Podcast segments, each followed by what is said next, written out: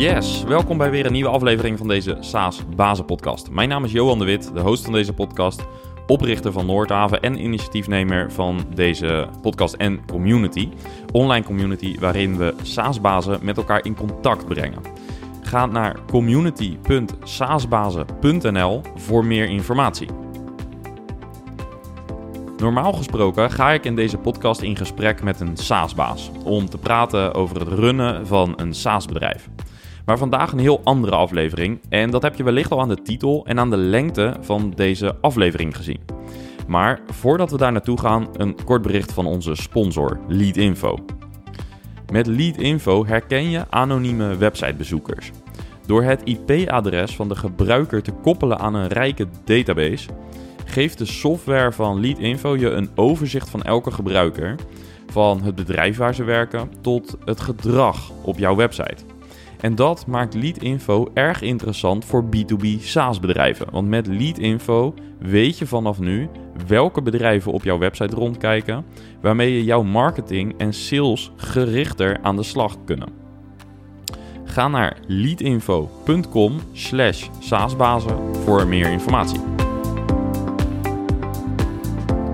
In aflevering 66 sprak ik met Jan-Martijn Broekhoff over de Red Race, waar we soms in zitten. In die aflevering vertelde ik ook kort over Daan, de coach die mij onlangs hielp om even uit te zoomen uit de business. En vandaag praat ik met Daan en dat is een bijzonder gesprek. Het gaat een keer niet over SaaS, maar over ondernemerschap en vooral over keuzes maken. Ik denk dat keuzes maken misschien wel bijna synoniem zou kunnen eh, zijn voor ondernemen. Want als ondernemer sta je steeds voor nieuwe keuzepunten. Internationaal gaan of eerst schalen in Nederland. De ene feature wel bouwen of een integratie maken. Funding ophalen of bootstrappen. En zelfs als je nu denkt, ik leg veel van dit soort keuzes bij mijn managementteam neer, is ook dat een keuze. En ik denk dus dat de kwaliteit van jouw keuzes en beslissingen de meest bepalende factor is voor het succes van je bedrijf. Reden genoeg dus om je decision making eens onder de loep te nemen, dacht ik. En met een soortgelijke vraag ging ik dus onlangs naar Daan. Zelf stond ik al een tijdje op een keuzepunt. De afgelopen jaren heb ik uh, heel duidelijk gekozen voor een specialisatie in B2B SaaS marketing. En hoewel ik dat aanvankelijk spannend vond, is dat de beste keuze die ik had kunnen maken. Het heeft me ontzettend veel opgeleverd. Natuurlijk deze podcast met de achterliggende community. Heel veel waardevolle relaties die daaruit voortgekomen zijn. Gesprekken voor de microfoon, maar ook daarnaast, als de microfoon uitstaat. Veel gesprekken gehad met SaaS-bazen die ook mij steeds weer helpen met mijn groei. En met Noordhaven hebben we een academy gebouwd waarmee we SaaS-founders en marketeers helpen om hun marketing goed in te richten volgens alle SaaS best practices. Daarnaast ben ik ook nog eens nauw betrokken bij een aantal SaaS-startups, soms formeel en soms informeel. En er liggen eigenlijk overal kansen. En hoewel dat natuurlijk geweldig klinkt, worstelde ik de laatste tijd wel met het nemen van beslissingen. En daarom besloot ik Daan te vragen om me daarin wat begeleiding te geven. En dat heeft me heel veel opgeleverd. En omdat ik die opluchting, zoals het voelde, in de afgelopen weken regelmatig deelde met mijn directe omgeving, merkte ik dat veel meer ondernemers tegen soortgelijke beslissingen aanhikken. En daarom besloot ik dus in gesprek te gaan met Daan en dit keer met een microfoon erbij. Want wellicht haal jij er als luisteraar ook iets waardevols uit. Daarom, voordat we in gesprek gaan, mijn vraag aan jou: welke beslissing stel jij uit? Tegen welk besluit hik jij aan? Over welke keuzes twijfel je? Met welke dilemma's zit je? Wat zou je eigenlijk niet meer willen doen? En wat wil je wel? En wees daarin eens brutaal eerlijk naar jezelf. Ik zelf heb er misschien wel een jaar voor nodig gehad om deze vragen echt te kunnen of durven beantwoorden. En ik ben misschien dus niet de snelste leerling, maar ik weet nu wel hoe fijn het is om weer even een verfrissende blik te hebben. Om een keuze te maken die in lijn ligt met mijn waarden. Een ja, nieuw soort dimensie. Nogmaals, misschien is dit voor jou helemaal geen uitdaging. Maar als je het maken van keuzes en het nemen van beslissingen, als je dat soms misschien lastig afgaat, of als je wat kan twijfelen over uh, ja, bepaalde beslismomenten, dan is het luisteren van deze podcast uh, ongetwijfeld erg de moeite waard. Goed, ik hoop dus uh, dat je iets aan dit gesprek zult hebben. Let's go!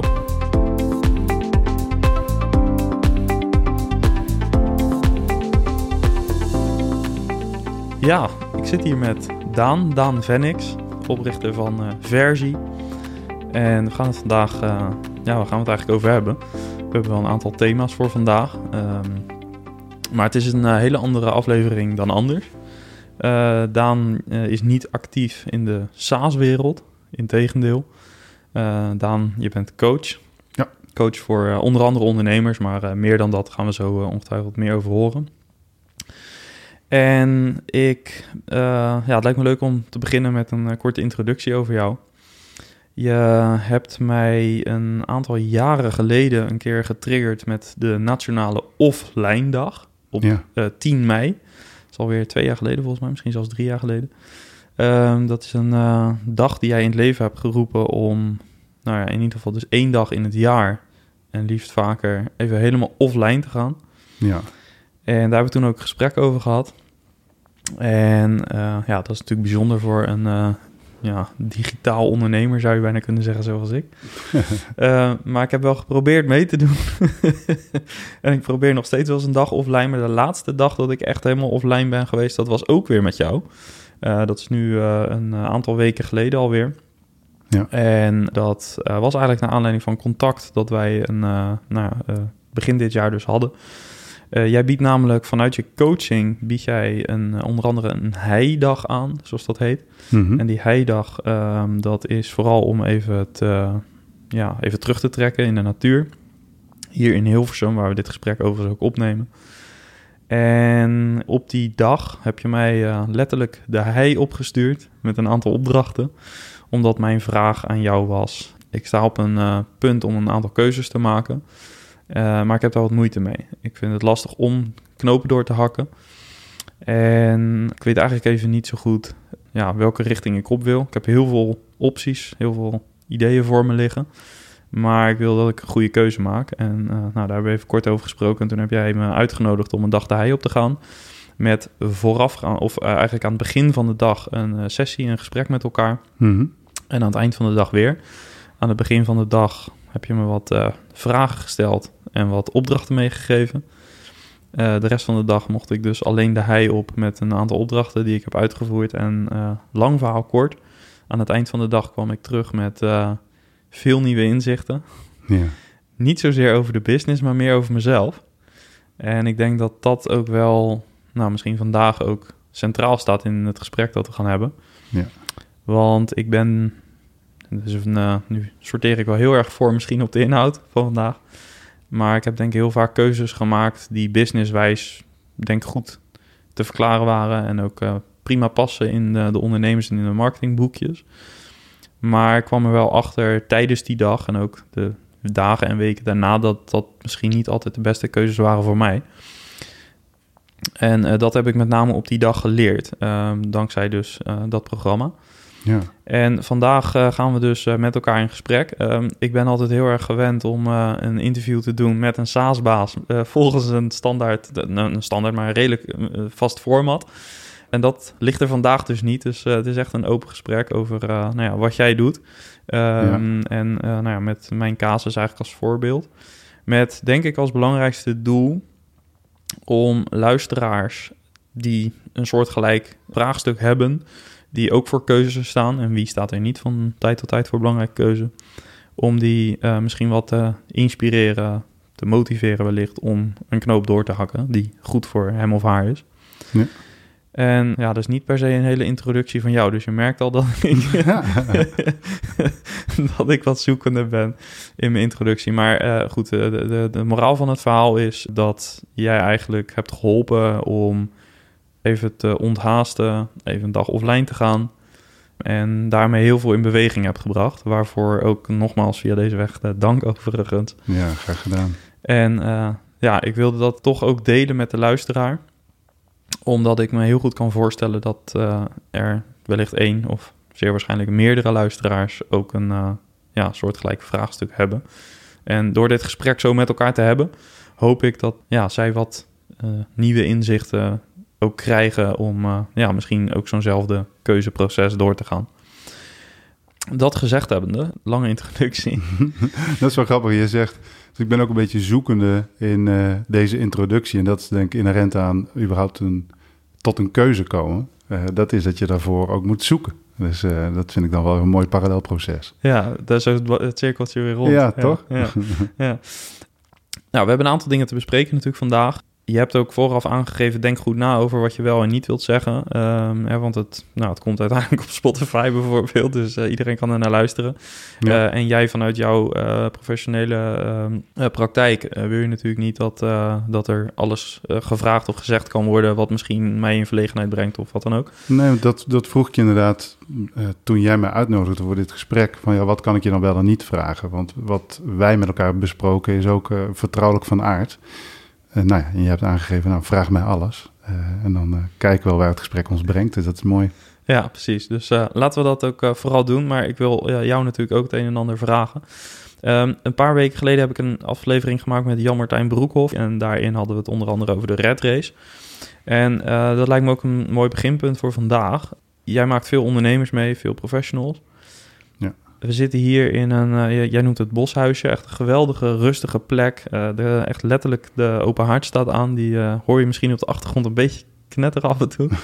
um, als ik naar buiten kijk, zie ik paarden lopen. jij ziet vooral bomen en ja, ook veel mooie natuur. Ja. Dat heb je bewust gekozen, denk ik, om zo'n plek op te zoeken. Wat was voor jou de aanleiding om naar zo'n soort plaats te gaan... in plaats van een kantoor zoals 9 van de 10 mensen dat? Ja ja, ja precies. Um, nou, dan, daar, daar heeft uh, deze coronaperiode me ook bij uh, geholpen. Dus bij het begin van uh, de coronatijd viel heel veel van mijn werk weg. individuele coaching, dat kon nog wel doorgaan om één iemand te ontmoeten. Maar trainingen, ik geef ook trainingen in het bedrijfsleven, dat, dat kon niet meer. Later is dat online wel weer opgestart. Um, maar wat ik merkte is dat ik alleen maar thuis aan het werk was en uh, een plek voor mezelf miste. Een plek om, um, nou ja, dat is een van mijn waarden, om te kunnen zwerven, om buiten te kunnen zijn, om in de natuur te zijn. Um, en ook een plek om uh, te kunnen vertragen. En zo'n plek miste ik. Um, en daar ben ik nou op zoek gegaan. Van wat is dan uh, een plek waar ik mensen kan gaan ontvangen, kan coachen. En waar ik ook mezelf even terug kan trekken en soms weer op kan laden ja, dan moet ik niet een plek hebben met een systeemplafond uh, op een industrieterrein of, uh, of waar dan ook. Nee, dan moet ik een plek in de natuur hebben. Nou, en toen kwam ik uh, op deze plek en degene waar ik dit van, van huur, dat is Geertje, een hele lieve vrouw.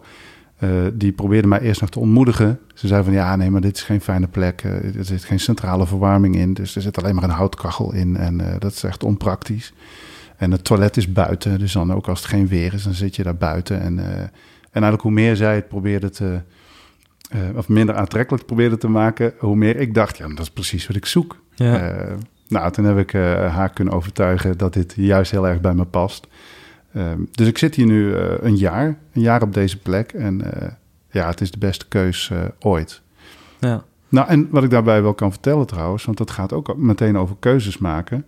Toen ik bij mezelf dacht, oké, ik wil een plek gaan huren, bedrijfshuisvesting. Toen was er meteen ook mijn hoofd die tegen mij zei: Ja, maar dat moet je juist nu niet doen. Want werk valt weg, uh, inkomen is minder. Uh, doe dat niet. dus alles probeerde mij ervan te weerhouden om juist te investeren in bedrijfsruimte. En dat heb ik niet al te serieus genomen, al die gedachten die ik daarbij had. en ben tegen de stroom in toch deze, het commitment voor deze plek aangegaan. Ja, dat is een hele goede investering geweest. Ja, je zegt het heel makkelijk. Ehm, ik ben gewoon tegen de stroom ingegaan. Uh, je hebt eigenlijk die stemmetjes genegeerd dus. Was het ook zo makkelijk als het klinkt? Uh, nee, zeker niet. En uh, nou, ik heb ze niet genegeerd. Dus dat is wel grappig dat je dat zegt. Want waar ik van overtuigd ben dat juist negeren maakt het groter dus als, ik, eh, als jij aandacht van mij wil en ik ga jou negeren, of als mijn kinderen aandacht van mij willen en ik ga ze negeren, dan gaan zij en misschien jij ook wel juist meer aandacht vragen, waardoor het groter wordt. Dus het gaat juist om uh, ruimte geven aan die gedachten uh, en die wellicht belemmerende gedachten die je dan, dan hebt. Um, En daar heb ik serieus naar geluisterd. En ik heb ook geluisterd naar, en wat wil ik nou als ik echt naar, naar, naar mezelf luister? En even die stem parkeren als het ware.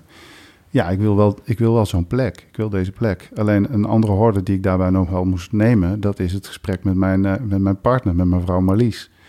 Um, bijna mijn vrouw, zeg ik. Want 3 juli, uh, dan, dan gaan we trouwen. Oh, wauw. Uh, ja, ja, dat wordt heel, heel bijzonder. Maar dat zeg ik ook niet voor niks. Want toen ik met haar het gesprek aanging, um, ik wil die plek gaan huren, een plek voor mezelf. Toen zei zij wel, ja, maar is dat nu wel een handige investering? Is dat nu, hè? Dus zij was uh, vertolkt als het ware ook die stem die al in mijn hoofd zat.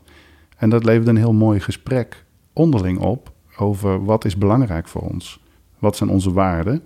En onder andere heeft dat erin geresulteerd dat uh, de plek waar wij zouden gaan trouwen, we zouden eigenlijk gaan trouwen in coronatijd, dat we die hebben uh, gecanceld. Het was een duurdere plek en dat we hebben gedacht, nou, als het dan belangrijk is dat ik die plek kan huren, dan is het ook belangrijk om daar geld voor vrij te maken. Zorgen dat we dat ook kunnen doen. Nou, laten we dan ons huwelijk anders gaan inrichten. Waar we nog steeds net zo gelukkig van kunnen worden, maar wat niet de hoofdprijs hoeft te kosten. En sterker nog, dat gesprek wat we hebben gehad heeft ook opgeleverd dat Marlies zei... nou, dan wil ik eigenlijk ook wel één dag minder gaan werken. Uh, want ja, ik, ik, werk ook veel en uh, zij werkt in de, in de GGZ. Uh, dus als jij dan dat plekje voor jezelf gaat huren... ja, dan, wil, dan kan ik ook wel wat noemen wat ik wil. Nou, dat, dat gesprek zijn we aangegaan en zo hebben we andere keuzes gemaakt. Ja, dat is, uh, dat is meteen een heel mooi voorbeeld, denk ik inderdaad... van waar we het vandaag over hebben. Keuzes maken op basis van je waarden... Dat is eigenlijk iets wat ik nu ja. uh, de afgelopen paar maandjes, eigenlijk ook dankzij het traject met jou heb geleerd. Mm -hmm. uh, dus daarover wellicht straks meer. misschien eerst nog even terug naar het, de red race, waar ik het dus met Jan Martijn over had. Um, waarom zijn wij allemaal zo ontzettend druk? Waarom kiezen we daarvoor? Nou, ik denk omdat we iets nastreven wat we nooit zullen bereiken. Um, nou, misschien zou je dat wel geluk kunnen noemen. Volgens mij um, wil iedereen uh, gelukkig zijn.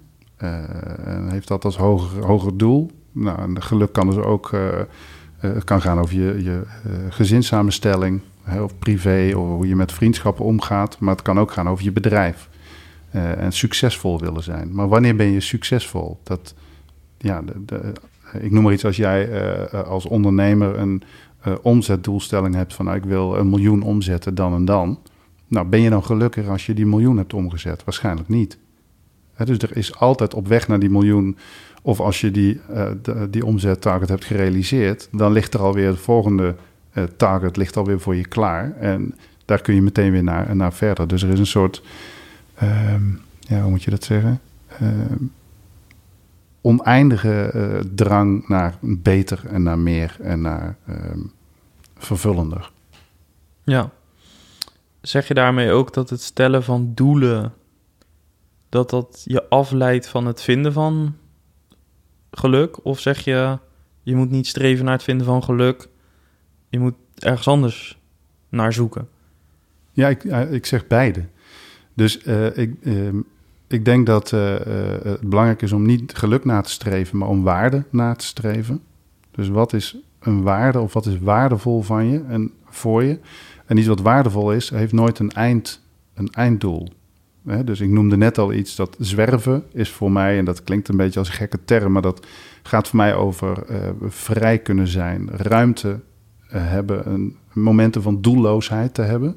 Dat is voor mij belangrijk en vanuit daar komen goede ideeën, eh, kan ik opladen. Hè, dat is voor mij een, eh, hele belangrijke bron. Uh, maar zwerven is nooit een einddoel. Dat is nooit, dat is nooit klaar. Um, wat ik wel kan bedenken is, dat zijn doelen in lijn met die waarden. Dus ik kan bijvoorbeeld wel dit, dit, dit, dit boshuisje waar ik het net over heb, uh, is een van mijn doelen geweest. Ik wil een plek in de natuur waar ik me terug kan trekken en waar ik mensen kan ontvangen om ze te coachen. Nou, dat doel heb ik nu bereikt. Ik heb deze plek en nu gaat het erom hoe geef ik daar verder invulling aan. Uh, en ook invulling aan in lijn met mijn waarden. Ja. Dus uh, volgens mij is dat heel erg belangrijk. Ja. Nu zijn beide, denk ik, kunnen eh, richtinggevend zijn. Zowel een waarde kan richting geven, zoals de waarde ruimte ervaren, ruimte hebben. eh, en en eh, kunnen verdwalen of kunnen zwerven, zeg maar. Dat, dat is wat je nu kunt. Dus Ja. in die zin heeft jouw waarde bijgedragen en het besef daarvan ook heeft bijgedragen aan dat je dit nu hebt.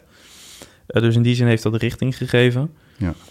Maar je zou misschien ook kunnen zeggen, als jij eh, jezelf als doel stelt om voor 31 december zo'n soort ruimte te hebben, dat kost iets. Dus daar koppel je een omzetdoelstelling of een, winstdoelstelling tegen, tegenover, bijvoorbeeld vanuit het ondernemend perspectief. Mhm. Dan zou dat ook richting kunnen geven. Ja, nee, zeker. Nou, dat, maar dat kan ook prima bijdragen aan wat voor jou belangrijk is. Ehm, Maar stel jij zelf bijvoorbeeld doelstellingen. Heb jij zelf doelen? Nee. Nou ja, tuurlijk heb ik wel doelen, maar ik moet nu denken aan een omzetdoel. Ik heb geen omzetdoelstelling bijvoorbeeld. Maar zou je Ehm. ooit in de situatie kunnen komen waarin je wel een omzetdoelstelling voor jezelf bepaalt, omdat je daarmee in staat bent om een nieuw programma eh, of een verbeterde versie van iets. Je hebt een hekel aan het Mhm. woord eh, optimalisatie. eh, dat gevoel krijg ik. Ehm, maar het, het, het kan je soms wel stuwen. Misschien even Mhm. Ik heb een haat-liefde verhouding met doelstellingen. Ehm, In die zin dat ik eh, denk dat het soms heel erg eh, kan helpen om daar zelf of met je team naar een heel concreet punt toe te werken. Mhm. Ehm, tegelijkertijd weet ik ook dat je daar niet per se altijd een doelstelling voor nodig hebt. Dat zou je ook eh, misschien met die waarden kunnen doen. Hè? Dat je Mhm. voor- met elkaar bepaalt van waar wil je aan werken. Eh, wat is belangrijk voor je en eh, hoe kunnen we daar invulling aan geven? Dat zou je in theorie op, dezelfde, op hetzelfde spoor kunnen brengen. Ja. Ehm, dus ik, ik geloof wel dat die doelstellingen heel erg kunnen helpen. Ehm, tegelijkertijd, wat mij opvalt bij het stellen van doelen, en daar ben ik zelf eh, ook eh debet aan, maar ik zie dat eigenlijk bij heel veel opdrachtgevers ook. Je zult nooit zien een omzetdoelstelling van eh 867.000 eh, euro op eh, 13 februari. Mhm. Het is altijd een arbitrair getal. Het is altijd een arbitraire datum. En Ja. weet je, de- dus, dus ergens zit daar natuurlijk... Ja, daar, daar, zit, daar zit iets geks. Ja. Want als je dan die doelstelling haalt, dan kun je wel de champagne opentrekken of iets anders gaafs doen. Maar je bent inderdaad, wat je zei, je bent eigenlijk alweer bezig met doelstelling voor volgend jaar. Althans, dat is hoe het bij mij werkt. Misschien dat ik, eh, ik kan het niet voor anderen bepalen. Nou, ik denk dat heel veel mensen eh, zichzelf daarin wel herkennen. Ja, maar dat herken ik. Maar tegelijkertijd zie ik ook wel dus een bepaalde waarde in het, het kiezen van koers. Maar jij kiest dus op een andere manier, eh, bepaal je die richting en, en houd je koers. En dat zijn die waarden dus. Ja, dus dat is veel meer vanuit mijn waarde. Dus even als voorbeeld. Nee, maar eerst wat ik eerst belangrijk vond om te zeggen, want daar ging ook mijn gedachten naartoe, naartoe toen jij dit zei. Kijk, wat ik me goed kan voorstellen, als je een bedrijf hebt en je hebt eh, eh, 30 medewerkers in dienst of 100, dan heb je verantwoordelijkheid voor die medewerkers. En dat je dus ook een bepaalde omzet zult moeten draaien om eh, een gezonde tent eh, eh, draaiende te houden en om je verantwoordelijkheden ook na te kunnen komen. Hè? Dus, ik, dus dat snap ik heel goed. Dat ik wat, wat dat betreft ook makkelijk praten heb. Eh, eh, want ik heb een, een klein bedrijf, ik ben formeel eenpitter en ik heb een netwerkorganisatie met hele goede mensen om me heen om op die manier ook grotere opdrachten aan te kunnen. Ehm, maar ik heb dus een andere verantwoordelijkheid dan iemand met mensen ook in loondienst. Hè? Dus dat wil ik wel even gezegd hebben. Maar even als voorbeeld, ehm, een van de dingen die ik heb ontwikkeld en aanbied, dat is een terugtrekking. Dus jij hebt nu een heidag hier, een dag op de hei gehad. Maar ik neem ook mensen mee een week de natuur in. Dus ik ben nu met nieuwe eh, eh, plekken bezig, bijvoorbeeld Schotland. Daar neem ik mensen mee naartoe. Maar ik heb eerder ook eh, bijvoorbeeld Spanje op het programma gehad. Eh, nou, het leek mij geweldig om een groepje mensen mee te nemen, een week de natuur in, om echt los van alles en iedereen stil te staan bij wat doet er nou voor mij toe? En waar, waar, wil ik heen? Om aandacht te richten op bepaalde thema's. Nou, hoe ben ik dat gaan ontwikkelen? Ik heb gewoon een week vrij gepland in mijn agenda en ik ben naar Spanje gegaan in mijn eentje. En ik ben daar zelf in de Sierra Nevada gaan wandelen en heb een route uh, uitgeplozen waar ik daarna een groep mee naartoe uh, heb genomen. Maar dat is natuurlijk een hele waardeloze manier van investeren, want dat kost heel veel tijd en heel veel geld en daarna moet je nog terug gaan verdienen. Uh, maar ik heb dat wel gedaan omdat dat voor mij een hele waardevol, een waardevol product is en iets waar ik in geloof en waar ik uh, ook van geniet van het maken zelf, van het ontwikkelen zelf. Dus ik ben dat gewoon gaan doen. En dan denk ik, in die end komt dat wel weer een keer komt dat wel uit. Nou, dat is meer de manier waarop ik ontwikkel en naar mijn bedrijf kijk. Ik kijk, is het een risico wat ik kan nemen? Een week vrij plannen, kruisen mijn agenda en de, het geld wat het me kost om dat te daarin te investeren. En als het antwoord dan ja is, dan ga ik het gewoon doen. En dan geloof ik wel dat die, dat die keus en die energie die ik daarin steek, dat dat op een manier wel weer terugkomt. Nou, daar in, het klein is daar bijvoorbeeld die heidag uit voortgekomen. Had ik eerder nooit bedacht. Maar toen dacht ik, hé, maar dit kun je ook in het klein doen. En nou, dus zo volgt het een op, uh, komt voort uit het ander. Ja, nu zeg je denk ik al terecht, hè, als je een andere een grotere organisatie hebt met bijvoorbeeld 30 medewerkers en je hebt vier mensen op sales zitten, dan moeten die mensen op een bepaalde manier, uh, uh, zij zijn verantwoordelijk voor het binnenhalen van nieuwe omzet. Ja. Zo werkt het nou eenmaal. Ja, ja. Um, en dan is het soms, als je bepaalde doelen aan de mensen meegeeft, kan dat enerzijds motiverend werken. Maar ik denk dat nog belangrijker aan doelen is, en of KPI's ook stellen, dat je weet van waar in het proces um, gaat het goed Mm -hmm. en waar kan ik verbeteren uh, voor om uh, nou ja, onze doelstellingen mm. te halen of om te doen waar we goed in zijn. Ja. Voor de ondernemer die op die manier werkt, ja. uh, wat, wat zou je daartegen zeggen? Ja, nou als ik hem, als ik hem eens terugkoppel naar jou, als je dat goed vindt. want kun je eens een waarde noemen die voor jou belangrijk is? Vakmanschap. Vakmanschap. Nou, als jij die salesmedewerker zou zijn en jouw waarde is vakman, een van jouw waarden is vakmanschap. Wat zou jij dan belangrijk vinden op die plek als salesmedewerker uh, om te kunnen doen?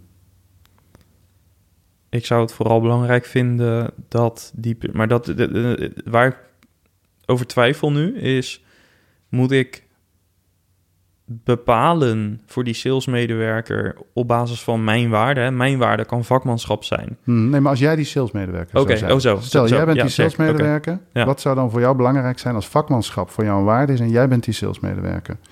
Wat is dan belangrijk voor jou voor de invulling van die functie? Dan zou in dit geval het meest belangrijk zijn om de juiste vaardigheden te hebben en om die elke dag iets te kunnen verbeteren. Ja. Nou, salesvaardigheden. Ja, ja, dat Ja. snap ik. Ja. Maar het, en volgens mij zou het te gek zijn als die salesmedewerker, als jij op dat moment een leidinggevende hebt, of een, een, eh, een directeur of een eigenaar van een bedrijf die op die manier met jou in gesprek gaat. Die zegt: Dit is jouw functie en dit is je rol. En daar horen een aantal KPI's bij, namelijk A, B en C. Ehm, wat vind jij verder nog belangrijk ehm, voor de invulling van jouw functie, waardoor jij eh, echt blij wordt van wat jij doet? Nou, dat misschien zit dat dan hier wel in. Dat Ja. jij uh, nou, bepaalde inhoudelijke vakmatige ontwikkeling kunt doormaken, waar jij super blij van wordt. En vanuit daar, vanuit werken aan die waarden, kun je ook veel makkelijker uh, energie vrijmaken om je ook te richten op die KPI's. die Ja, en bijdrage leveren. Precies. Ja, bijdrage leveren aan het Ja. geheel. Ja. Hè, dus volgens mij is dat belangrijk om op die manier. Dus soms moet je ook namelijk dingen doen die gewoon niet leuk zijn of minder bij je passen. Of dat hoort bij ieders rol. Hè. Ik moet ook eh, aan het eind van elk kwartaal mijn aangifte omzetbelasting doen. Ja, daar word ik niet blij van, maar het hoort er gewoon bij, moet ik doen. Ehm, maar als ik daarnaast ook dingen doe waar ik heel veel energie van krijg, is het een veel minder offer om ook voor die aangifte omzetbelasting te gaan zitten. Ja, nou wat ik wel interessant vind in je vraag en dus ook in de spiegel die je voorhoudt, is uh, je gaat ook weer kijken naar van wat is voor jou belangrijk. Ja, Dus niet van wat is vanuit de bedrijfsdoelstelling belangrijk, maar wat is voor jou belangrijk. En ik kan de waarde vakmanschap uh, belangrijk vinden, ja, maar mijn andere salescollega zou bijvoorbeeld um, winstgevendheid. Misschien, Ja. eh, misschien dat dat gewoon echt een waarde is uh, Ja. voor, voor die persoon, voor hem of haar. En dan zou je daar dus een, hetzelfde gesprek mee hebben, alleen de uitkomst is anders. Dus wat is belangrijk voor jou? Ik wil gewoon vier deals op een dag altijd binnenhalen. Dan heb ik de succeservaring. Dan ervaar ik winstgevendheid. Ja. Om maar wat te noemen. Ja. Je merkt al, ik heb moeite met het bedenken van wat is het resultaat van winstgevendheid. En dat het niet per se iets, iets is wat heel erg resoneert. Maar uh, bij jou niet. Nee, bij mij nee, Nee, nee, niet nee. per se. Dat staat zeker niet in de top 6 die ik heb gemaakt op die dag. Nee, toch kwam die nu in je op. Dus waarom kwam die nu in je op? Omdat ik zoek naar iets wat best wel tegengesteld is. Ja, ik kan me het kaartje wel herinneren, hè, want hij deed wel iets met me. Misschien goed om, om, voordat ik hierover verder ga, om kort toe te lichten voor de luisteraar ook, die natuurlijk niet op de eindig erbij was. Maar waar, kom, waar komt het verhaal over de waarden vandaan? Mhm. Jij hebt me op deze dag, eh, heb je me de hei opgestuurd met een aantal opdrachten en een eh, doosje Met daarin, als ik, eh, als ik het goed heb gelezen, 154 waarden. Dus 154 kaartjes, zeg maar speelkaarten. Op elke speelkaart staat dan een waarde. En eentje was dus winstgevendheid, een andere was vakmanschap. Dus dat is zelfstandigheid, eh, snelheid. Nou, je kan zo gek niet bedenken of het zat erin. Van, dus heel uiteenlopend. Ja. En ik kreeg de opdracht om er zes uit te kiezen. Ja. En dat moest ik ook op een bepaalde manier doen. Eh, misschien is dat te gedetailleerd voor nu. Maar ik werd steeds ge, ja, geforceerd. Heeft een negatieve lading. Zo heb ik het helemaal niet ervaren. Gestuurd. Gestuurd misschien om ja, het werd wel op een bepaalde manier afgedwongen doordat ik steeds de keuze moest maken. Dus ik had uh, zes kaartjes liggen Mhm. en ik moest er één uit de pot pakken en daarvoor moest een ander plaats, een kaartje plaatsmaken. Dus ik werd steeds wel uh, ja, nou, gestuurd of geforceerd. In ieder geval wel op een goede manier werd ik steeds geconfronteerd eigenlijk met de vraag van wat is nu belangrijk? Het kaartje wat ik nu in mijn hand heb of het kaartje wat hier al ligt? En uh, steeds moet je dus gaan heroverwegen. En ik heb daar denk ik misschien wel een uur over gedaan, misschien wel langer zelfs. Maar wat dat dus deed, was dat ik onder andere ook het kaartje winstgevendheid op een gegeven moment pakte. En die kwam wel in die zin binnen dat ik dacht van ja, ik ben ondernemer. En ja, winstgevendheid zou gewoon een waarde misschien wel Zou moeten wel zijn. moeten. Ja. Ja. Maar hij ging heel snel toch wel weer aan de kant. Want kennelijk was het niet belangrijk genoeg. Nee. Terwijl ik een aantal andere kaartjes had waarvan ik echt meteen wist van ja, niet onderhandelbaar, die gaat liggen, die gaat ook niet meer weg. Nee. En dat heeft me ontzettend geholpen om nou ja, nu andere keuzes te maken dan uh, het, uh, het afgelopen jaar.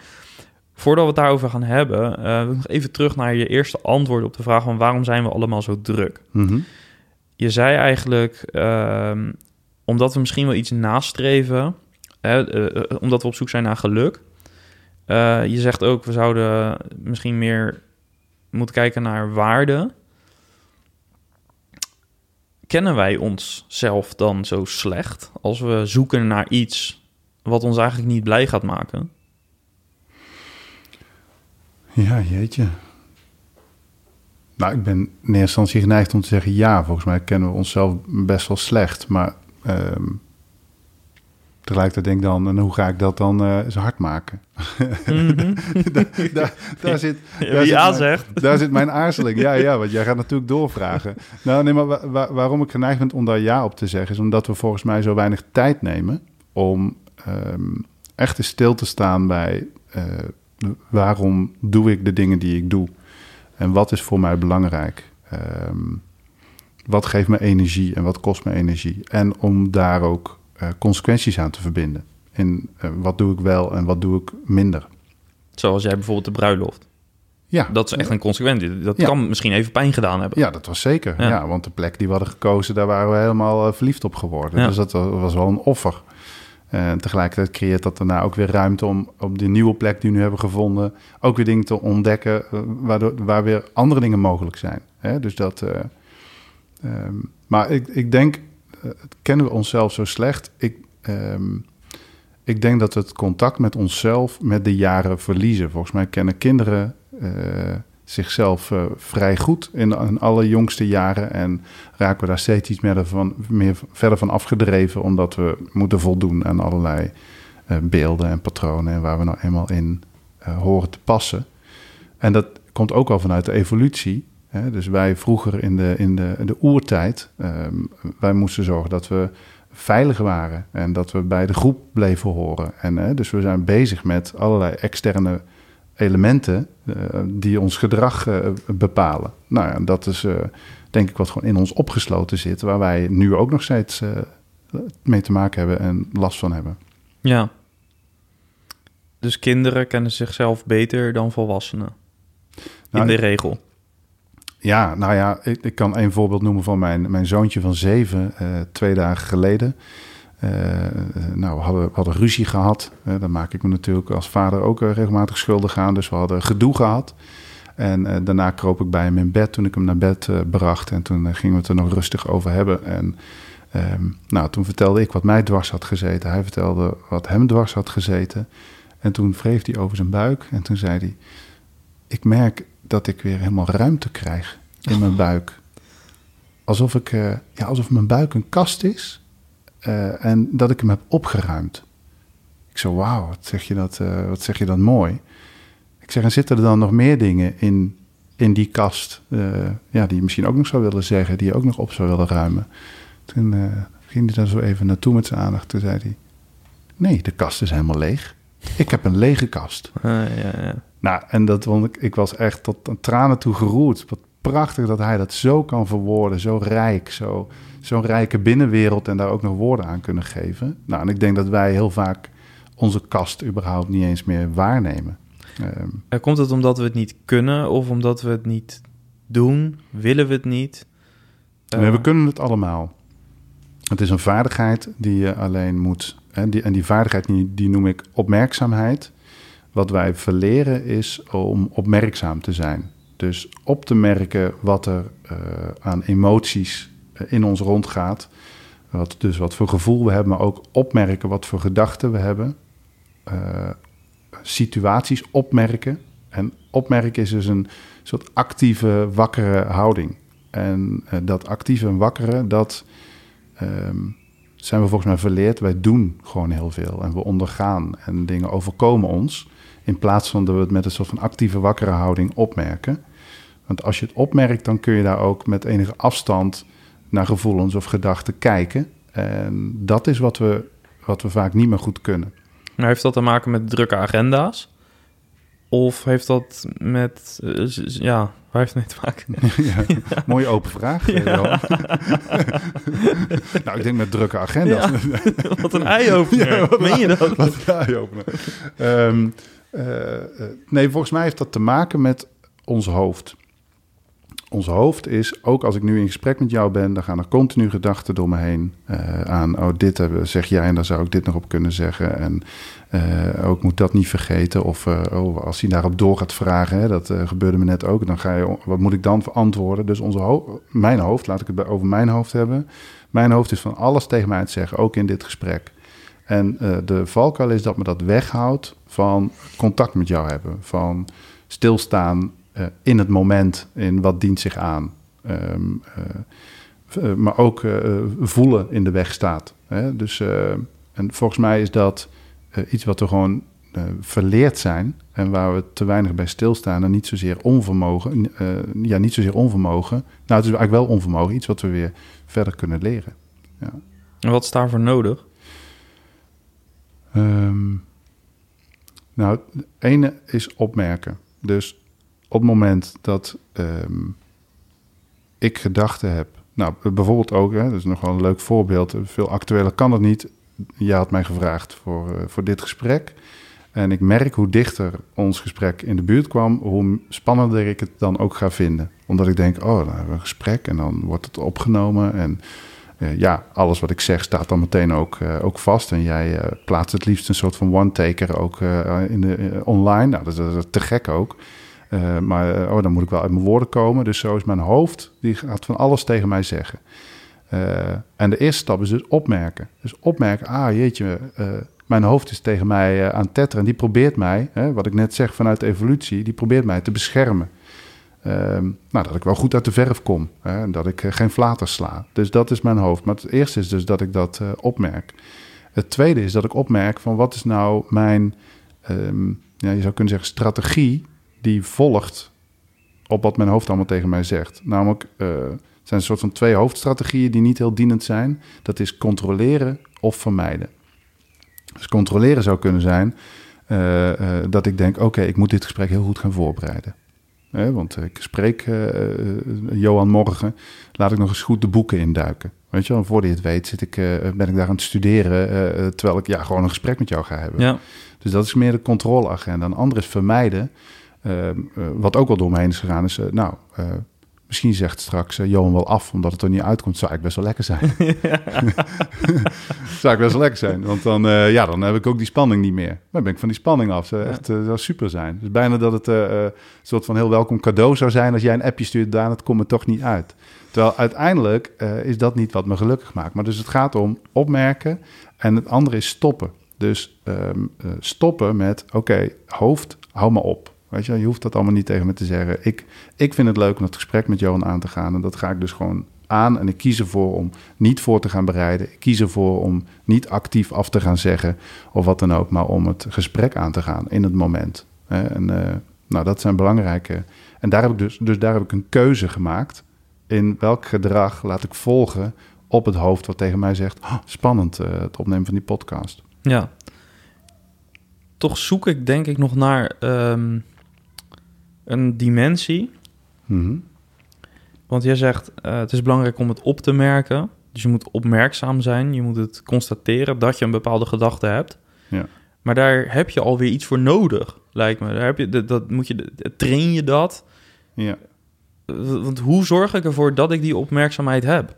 Ja, nou dat is eh, inderdaad iets wat je, eh, wat je moet trainen. En ehm, kijk, mindfulness is eh, voor velen inmiddels al wel bekend. Hè? Wat je met mindfulness doet is, je, kort gezegd, je traint je aandachtspier. Zoals je ook naar de sportschool kunt gaan en daar je biceps kunt trainen of je triceps, kun je ook je aandachtspier trainen. En dat kun je simpelweg doen.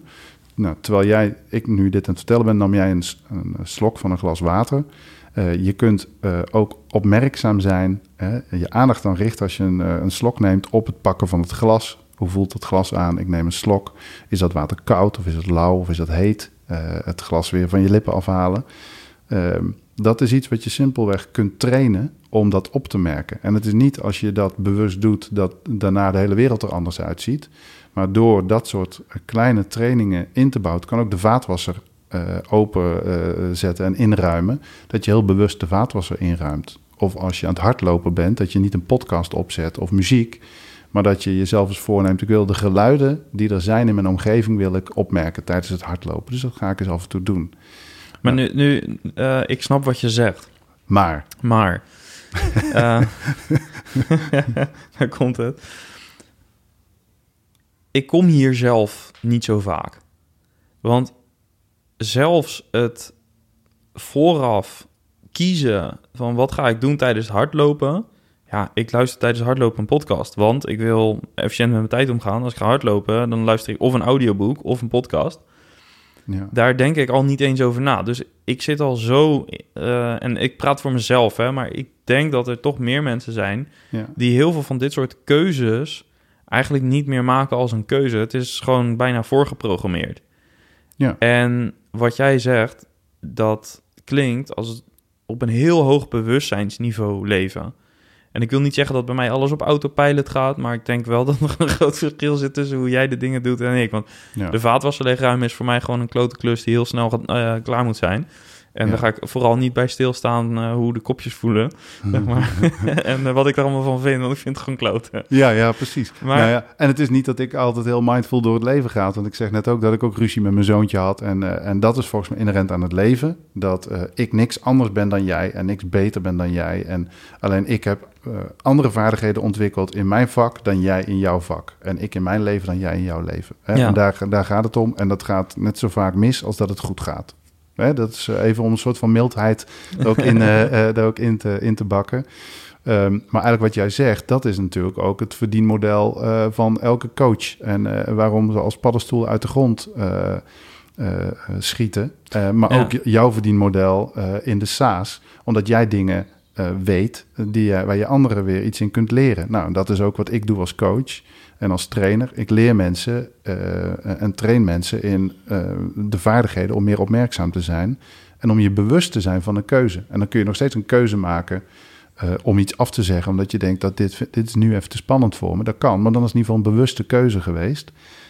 in relatie tot je waarde, tot wat is belangrijk voor mij. Ja.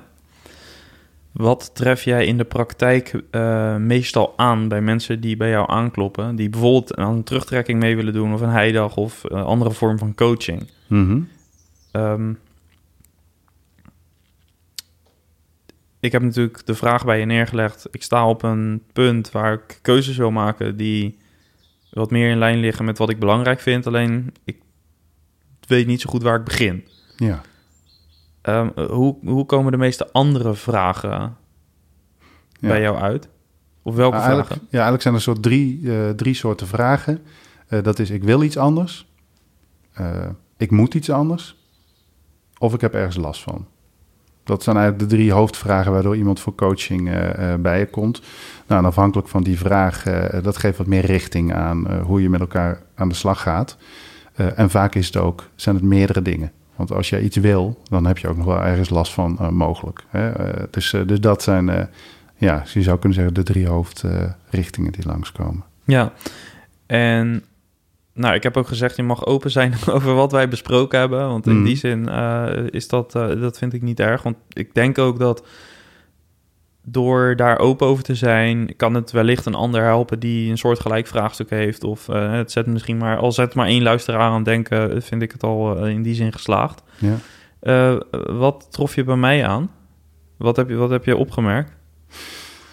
Ja, nou wat ik te gek vind aan, aan jou, en dat um, heb ik je volgens mij aan, aan het einde van het, het, het coachingsproces ook wel meegegeven. Um, een enorme eagerness om naar jezelf te kijken. Uh, en dat vind ik gaaf dat je uh, hier kwam en contact met mij opnam. Um, en eigenlijk zeg van nou, ik wil echt dat het kussen is flink opgeschud wordt. En uh, ik sta overal voor open. Dus confronteer me ook met dingen, spiegel. omdat het mogelijk wel een ingang is om iets te ontdekken. En um, nou, volgens mij heb ik op, op verschillende manieren jou soort van andere denkrichting of kijkrichting uh, aangereikt. En uh, nou ja, jij pakt ze ook allemaal, allemaal aan. Um, nou, ik weet niet of je daar iets over wil zeggen, maar ik had je ook bijvoorbeeld één uitdaging uh, gegeven voor, voor thuis.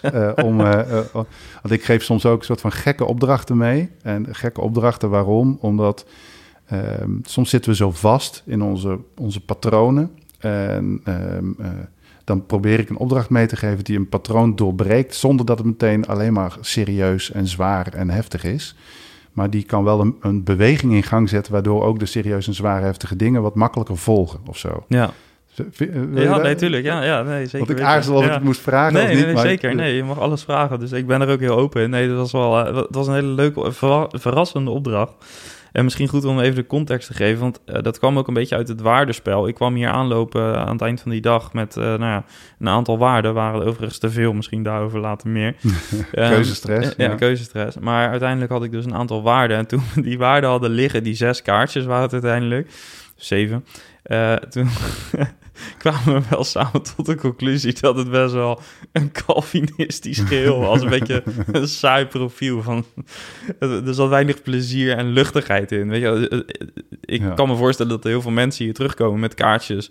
Uh, waar ook uh, uh, liefde of geluk of frisheid, plezier, dat soort dingen in zitten. Ja. Maar het was bij mij allemaal vakmanschap, diepgang, zelfstandigheid... Ja. van dat soort trouw, uh, dat soort dingen. Maar en wel ook echt, echt oprecht ook gewoon, dat is gewoon wie ik ben. Dus ja. terwijl ik er naar kijk, denk van ja, het is echt verdomd saai.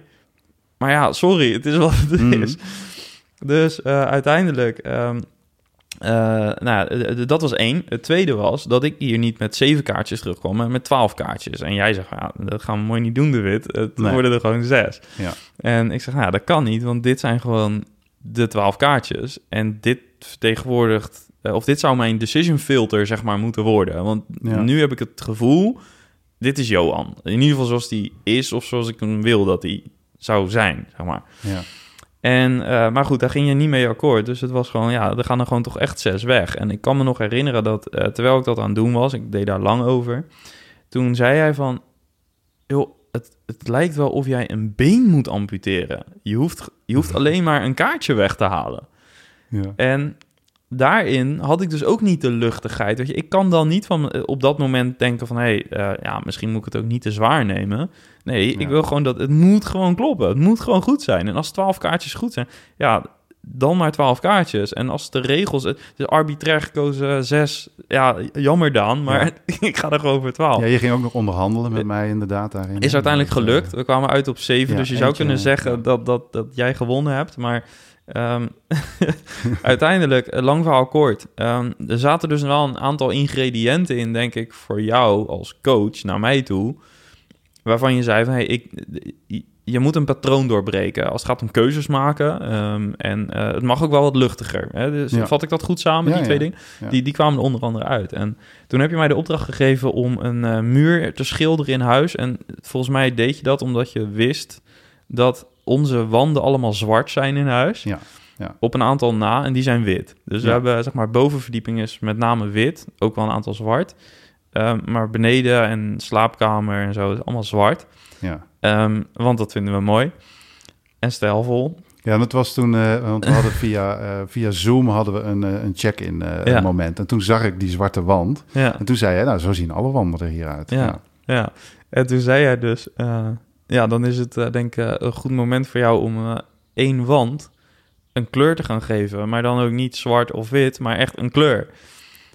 Eh, dus ga maar een muur schilderen. En ehm, toen eh, zei je er zelfs nog bij, het moet ook wel een beetje gek zijn. Dus eh, kom nou niet met eh, lichtgrijs of zo, of donkergrijs aan. Het moet wel echt een kleur zijn. Dus dan is het ook blauw, groen, paars, knalgeel. Maar wel iets wat in ieder geval in de kleur eh, past. Wat, Ja. wat, wat echt een kleur is. Ja. En eh, als dat niet genoeg is, dan eh, ga je maar in je kleurige boxershort doen met een banaan of zo erop. Maar zoiets zei je, geloof ik. Ja, ik zei, want het ging, het, het, het, het ging om die wand een kleur geven, maar het ging me ook om de manier, De manier waarop, waarop je die ik dat wand deed. een Ja, kleur geeft. Dus En- dat en- dat ook een beetje gekkig is of even uit, de- uit de box. Ja, nou, en Ja. ik moet je heel eerlijk bekennen, ik ben denk eh voor 50% geslaagd daarin. Want eh, ik heb de wand inderdaad geschilderd. Het is blauw geworden, dus het is nog steeds een beetje een saaie corporate kleur. Maar ja, sorry, meer kon ik er echt niet van Ja, maken. dat is toch al winst. Ja, precies. Eh, je hebt een beetje je zin. Nee, maar, ehm, maar wat, ik, wat nou de grap is... Ik ben altijd heel erg gericht op performance. En ik Mhm. merk dat dat is een van de onderdelen die me een beetje dwars zit. Want enerzijds Ja. wil ik heel graag eh, sturen op performance. En daar doe ik alles voor. En aan de andere kant merk ik dat dat me soms ook heel erg dwars zit. Vandaar Ja. ook eh, dit hele traject eigenlijk. En terwijl ik, die, terwijl ik bijna klaar was Mhm. toen merkte ik dat ik dus echt gewoon met... Ik, ik had helemaal niet genoten ervan of zo. Ik was echt gewoon helemaal bezig. Gewoon die wand, het moet zo snel mogelijk, het moet ook goed zijn. Eh, dus ik ga dat op die manier doen. En Vakmanschap. het, het- ja, precies. Het moet ook echt weer kloppen, zeg maar. En het ging eh, uiteraard weer snel en moest, nou, elke detail moest goed zijn. Terwijl ik dacht van ja, bij de laatste paar eh, eh, stukjes, daar merkte ik eigenlijk pas van ja, maar volgens mij was dit de opdracht niet. Mhm. Volgens mij moest ik hier even van genieten en volgens mij moest ik dat ook een beetje luchtig maken. Ja. Nou, dat, dat heb ik dus niet gedaan, eh, om eerlijk te zijn. Maar je hebt dat dus opgemerkt. Ja, precies, dat wel. Ja, Nou, maar, maar wel laat. En dat ja, is dus ja. en en- ja, ik heb het opgemerkt, maar dat komt wel pas helemaal aan het eind. Ja. En ik denk ja. dat dat wel de, de... Nou, daar zit denk ik de groei, de, de, de groeipoten, eh, gro- groeipotentieel.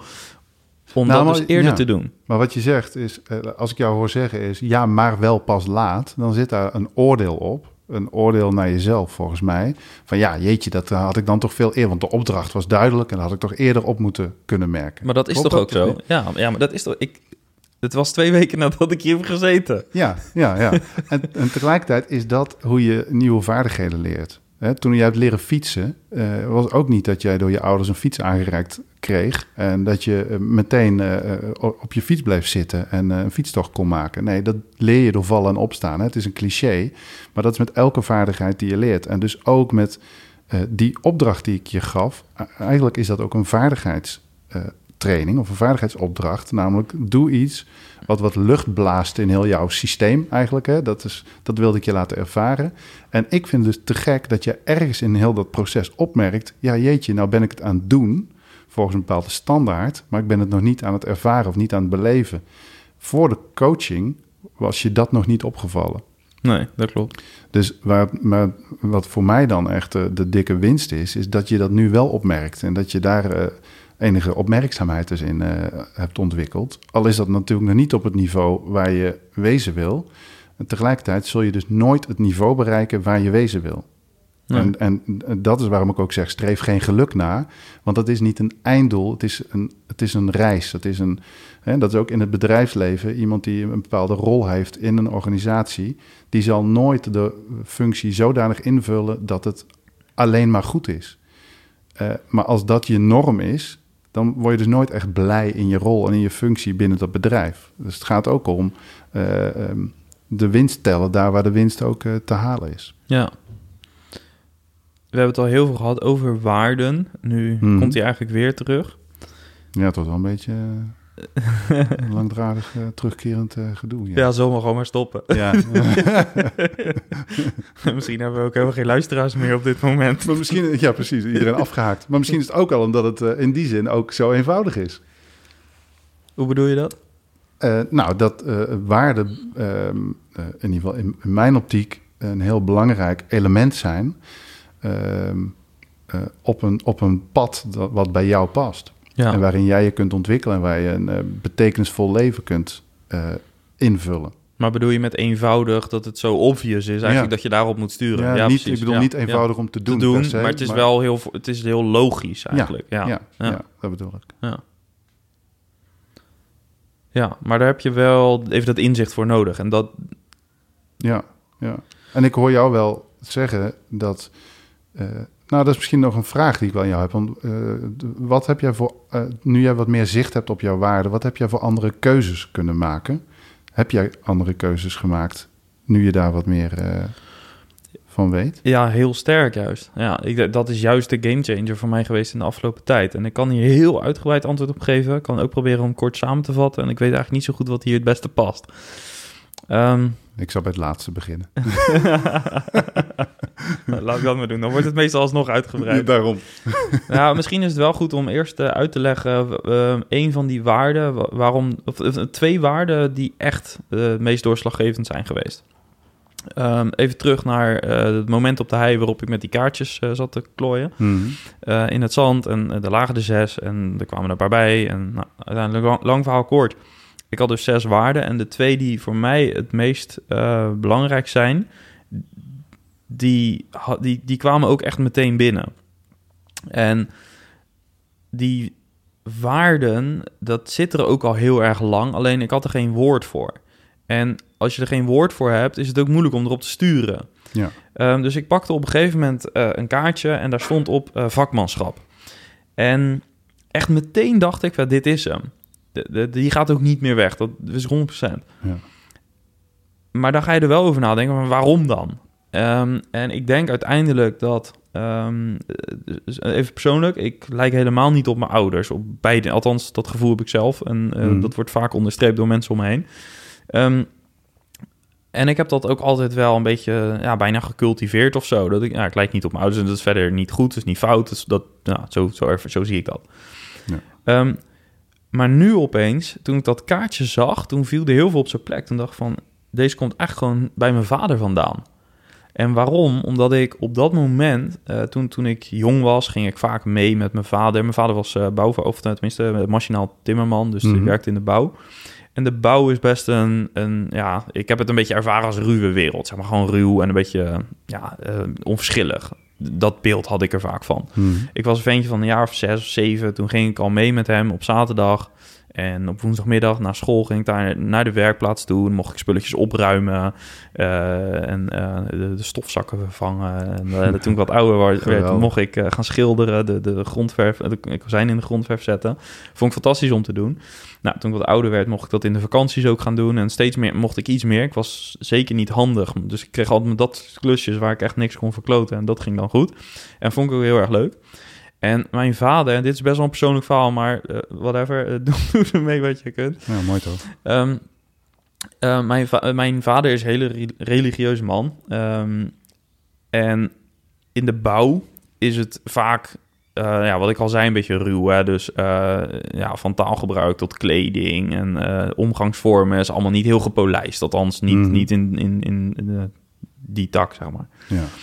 En mijn vader was daar echt een dissonant in. En een dissonant in de zin van, uh, mijn vader had altijd gewoon een overhemd aan met lange mouwen, ook hele zomer door. En daar is overal overheen. Dat was gewoon, zo kon je hem uittekenen, altijd, 40 jaar lang. Ja. Um, mijn vader dronk geen bier, hij rookte niet. Uh, geen, nou, misschien zal hij af en toe een keer een scheldwoord, maar echt vloeken zit er niet in. Um, dus echt in alles eigenlijk wel echt een dissonant ten opzichte van zijn omgeving. Mm -hmm. En toen ik de eerste paar keren als ventje daar rondliep, toen merkte ik dat al. Van, nee, dat is eigenlijk mijn vader gedraagt zich heel anders dan mijn collega's. En op dat moment kende ik alleen mijn vader. En collega's vond ik eigenlijk allemaal afwijkend. Ja. Later kwam ik erachter dat in dat team van 15 man is, zijn niet die mensen afwijkend, maar is eigenlijk mijn vader afwijkend. En zonder oordeel. Hè. Dat maakt niet uit. Het gaat niet om wat goed of fout is. Maar ik merkte wel, hé, dat is heel anders. Ja. Nou, en op een gegeven moment ga je dat ook merken. Als kindje wordt wat ouder en als je 10, 12 bent, dan ga je iets meer die verbanden leggen. En denk je, oh ja, mijn vader bidt voor ze eten en de rest die doet dat niet. En uh, ja, hoe zit dat eigenlijk? Wat gebeurt hier precies? En als kind, omdat ik best wel dus eh, christelijk ben opgevoed, merk je wel eens dat eh, als, je de, af, als je niet de norm bent, dan eh, kan dat wel eens gepaard gaan met wat pesterijtjes, weet je, van, van collega's van hem, maar ook Mhm. op school of met, met schoolvriendjes of zo. Die denken dan, oh, maar jij bidt voor je eten, ik doe dat, wij, wij doen dat niet, dus jij wijkt af. En dan heb Ja. je als kind, heb ik dat best wel vaak ervaren als ehm, dat je een beetje een buitenbeentje bent. En ik ging dus steeds meer mijn vader als buitenbeentje ook zien binnen zijn omgeving, terwijl die daarvoor voor mij eigenlijk heel normaal was. Ja. En wat ik, eh, ik, ik ging eigenlijk de aanname doen voor mezelf. Dat ik dacht van ja, dus eigenlijk mijn vader, die heeft ook te maken met die pesterijtjes. Dus mijn vader is hier ook de dissonant, dus die wijkt af. En dat klopte in zekere zin ook wel. Hè, er werd ook wel eens een geintje over gemaakt. Van, joh, zou je niet gewoon lekker eens een keer een biertje meedoen? Eh, die, die, die gehaktbal die ligt er over een uurtje ook nog wel. Weet je, dat soort opmerkingen. Maar wat ik ook zag, was dat mijn vader naast al die hele afwijkende dingen... en naast wel zijn pesterijtje... bij die collega's heel veel waardering en respect had. Dus iedereen sprak altijd over... eh, Jan is echt de vakman. Hm. Dus je kan heel veel zeggen. Het is misschien, eh, hij is niet gezellig op vrijdagmiddag. Hij doet niet een biertje mee. Hij rookt niet. eh, eh, hij luistert Radio 1 in plaats van 538. Dus het is allemaal lastig. eh, gedoe.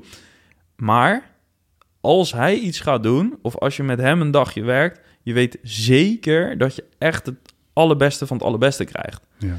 En ik heb dat toen natuurlijk wel gezien, maar dat kwartje is nooit zo gevallen. En nu denk ik eigenlijk dat toen, toen dat kaartje vast had, toen ging dat hele beeld van al die jaren dat ik dat heb gezien, viel op zijn plaats. En toen dacht ik van, eigenlijk ben ik gewoon, heb ik dat gewoon overgenomen, onbewust. Terwijl je dus dacht, ik lijk niet op mijn Ik ouders. lijk niet op mijn ouders. Terwijl ik nu dus Ja. in essentie is dat echt iets waarvan ik denk van ja, dit is heel erg. Want ja, het maakt mij eigenlijk ook geen zak uit wat iemand dan van me vindt. Als, kijk, ik vind dat wel soms belangrijk, maar in mijn werk en zo. Ja, weet je, ik kom gewoon om een probleem op te lossen. Mhm. Als ik bij een klant betrokken ben en er moet iets gefixt worden, ik ga echt tot het gaatje en Ja. het moet gewoon goed zijn. Ja. En het maakt me echt niet uit of ik dan gemogen word of zo. Het gaat erom, word ik gerespecteerd als vakman? Dat vind ik belangrijk. En al de andere, dat, dat is jammer dan. Ja. Ik vind het ook niet per se leuk als ik gehaat word of zo, hoor. Maar Je- het is helemaal niet belangrijk. zoek. nee, nee, nee, nee. Eh, maar, en, en, en ja, is dus wel een lang antwoord geworden. Maar wat dat mij dus heeft geleerd, is dat eh, sowieso heb ik het nu handen en voeten kunnen geven. Ik snap het ook. Ik snap ook dat het veel verder teruggaat. En dat het dus ook echt belangrijk is om daar iets mee te doen. Ja. En dat heeft, eh, het gaat te ver om daar nu alle zakelijke eh, zeg maar beslissingen nu, nu toe te lichten. Dat is ook niet zo heel relevant voor nu, denk ik. Maar het is wel zo dat ik heb gemerkt dat in sommige diensten die wij hebben, waaronder ons best verkochte product, eh 90 Day Growth Plan, dat ik daar niet die vakmanschap en een andere waarde die ik wel blootlegde was diepgang, Mhm. dat die twee waarden, die kan ik daar niet in leveren. Ik heb een product ontwikkeld wat commercieel super succesvol is, Ja. wat operationeel goed uit te voeren is. Hele duidelijke scope, duidelijke deliverables, duidelijke timing, duidelijke pricing, fixed. Alles is fixed eigenlijk. Dus het is zeg maar als, als je vanuit bedrijfsperspectief naar kijkt, bedrijfskundig perspectief naar kijkt, dan denk je echt, dit is echt een pareltje. Mhm. Wel na heel veel fine-tunen, want vaak genoeg op mijn bek gegaan om dit te creëren. Maar Tuurlijk. dat is echt goed gelukt. Maar nu kom ik erachter, als ik dit afzet tegen wie ik wil zijn als persoon en wat ik belangrijk vind, dan is dit niet het product wat ik zou moeten verkopen. En dat is Nee. natuurlijk doodeng. Maar het heeft me ook heel erg bevrijd van, ja, ik, weet je, nu heb ik gecon- geconstateerd. Ik moet nu zorgen dat ik daar iets mee doe. Wat ik ook gedaan heb. Ik heb dus eh, echt flink gesleuteld de afgelopen maanden aan ons aanbod. Zodat het veel beter om mij heen past. En eh, om nog terug te komen op je vraag van... eh, ja, wat heeft het, tot welke beslissing heeft het geleid? En heeft het je bepaalde besluiten doen nemen? Is denk ik het korte antwoord. Voorheen keek ik als ik iets een product ontwikkelde of een dienst ontwikkelde, een programma ontwikkelde, keek ik heel erg van wat, waar heeft de markt behoefte aan? Waar kan ik impact mee hebben? Ehm, hoe kan ik dat efficiënt en goed op een goede manier, de beste manier bij de mensen brengen?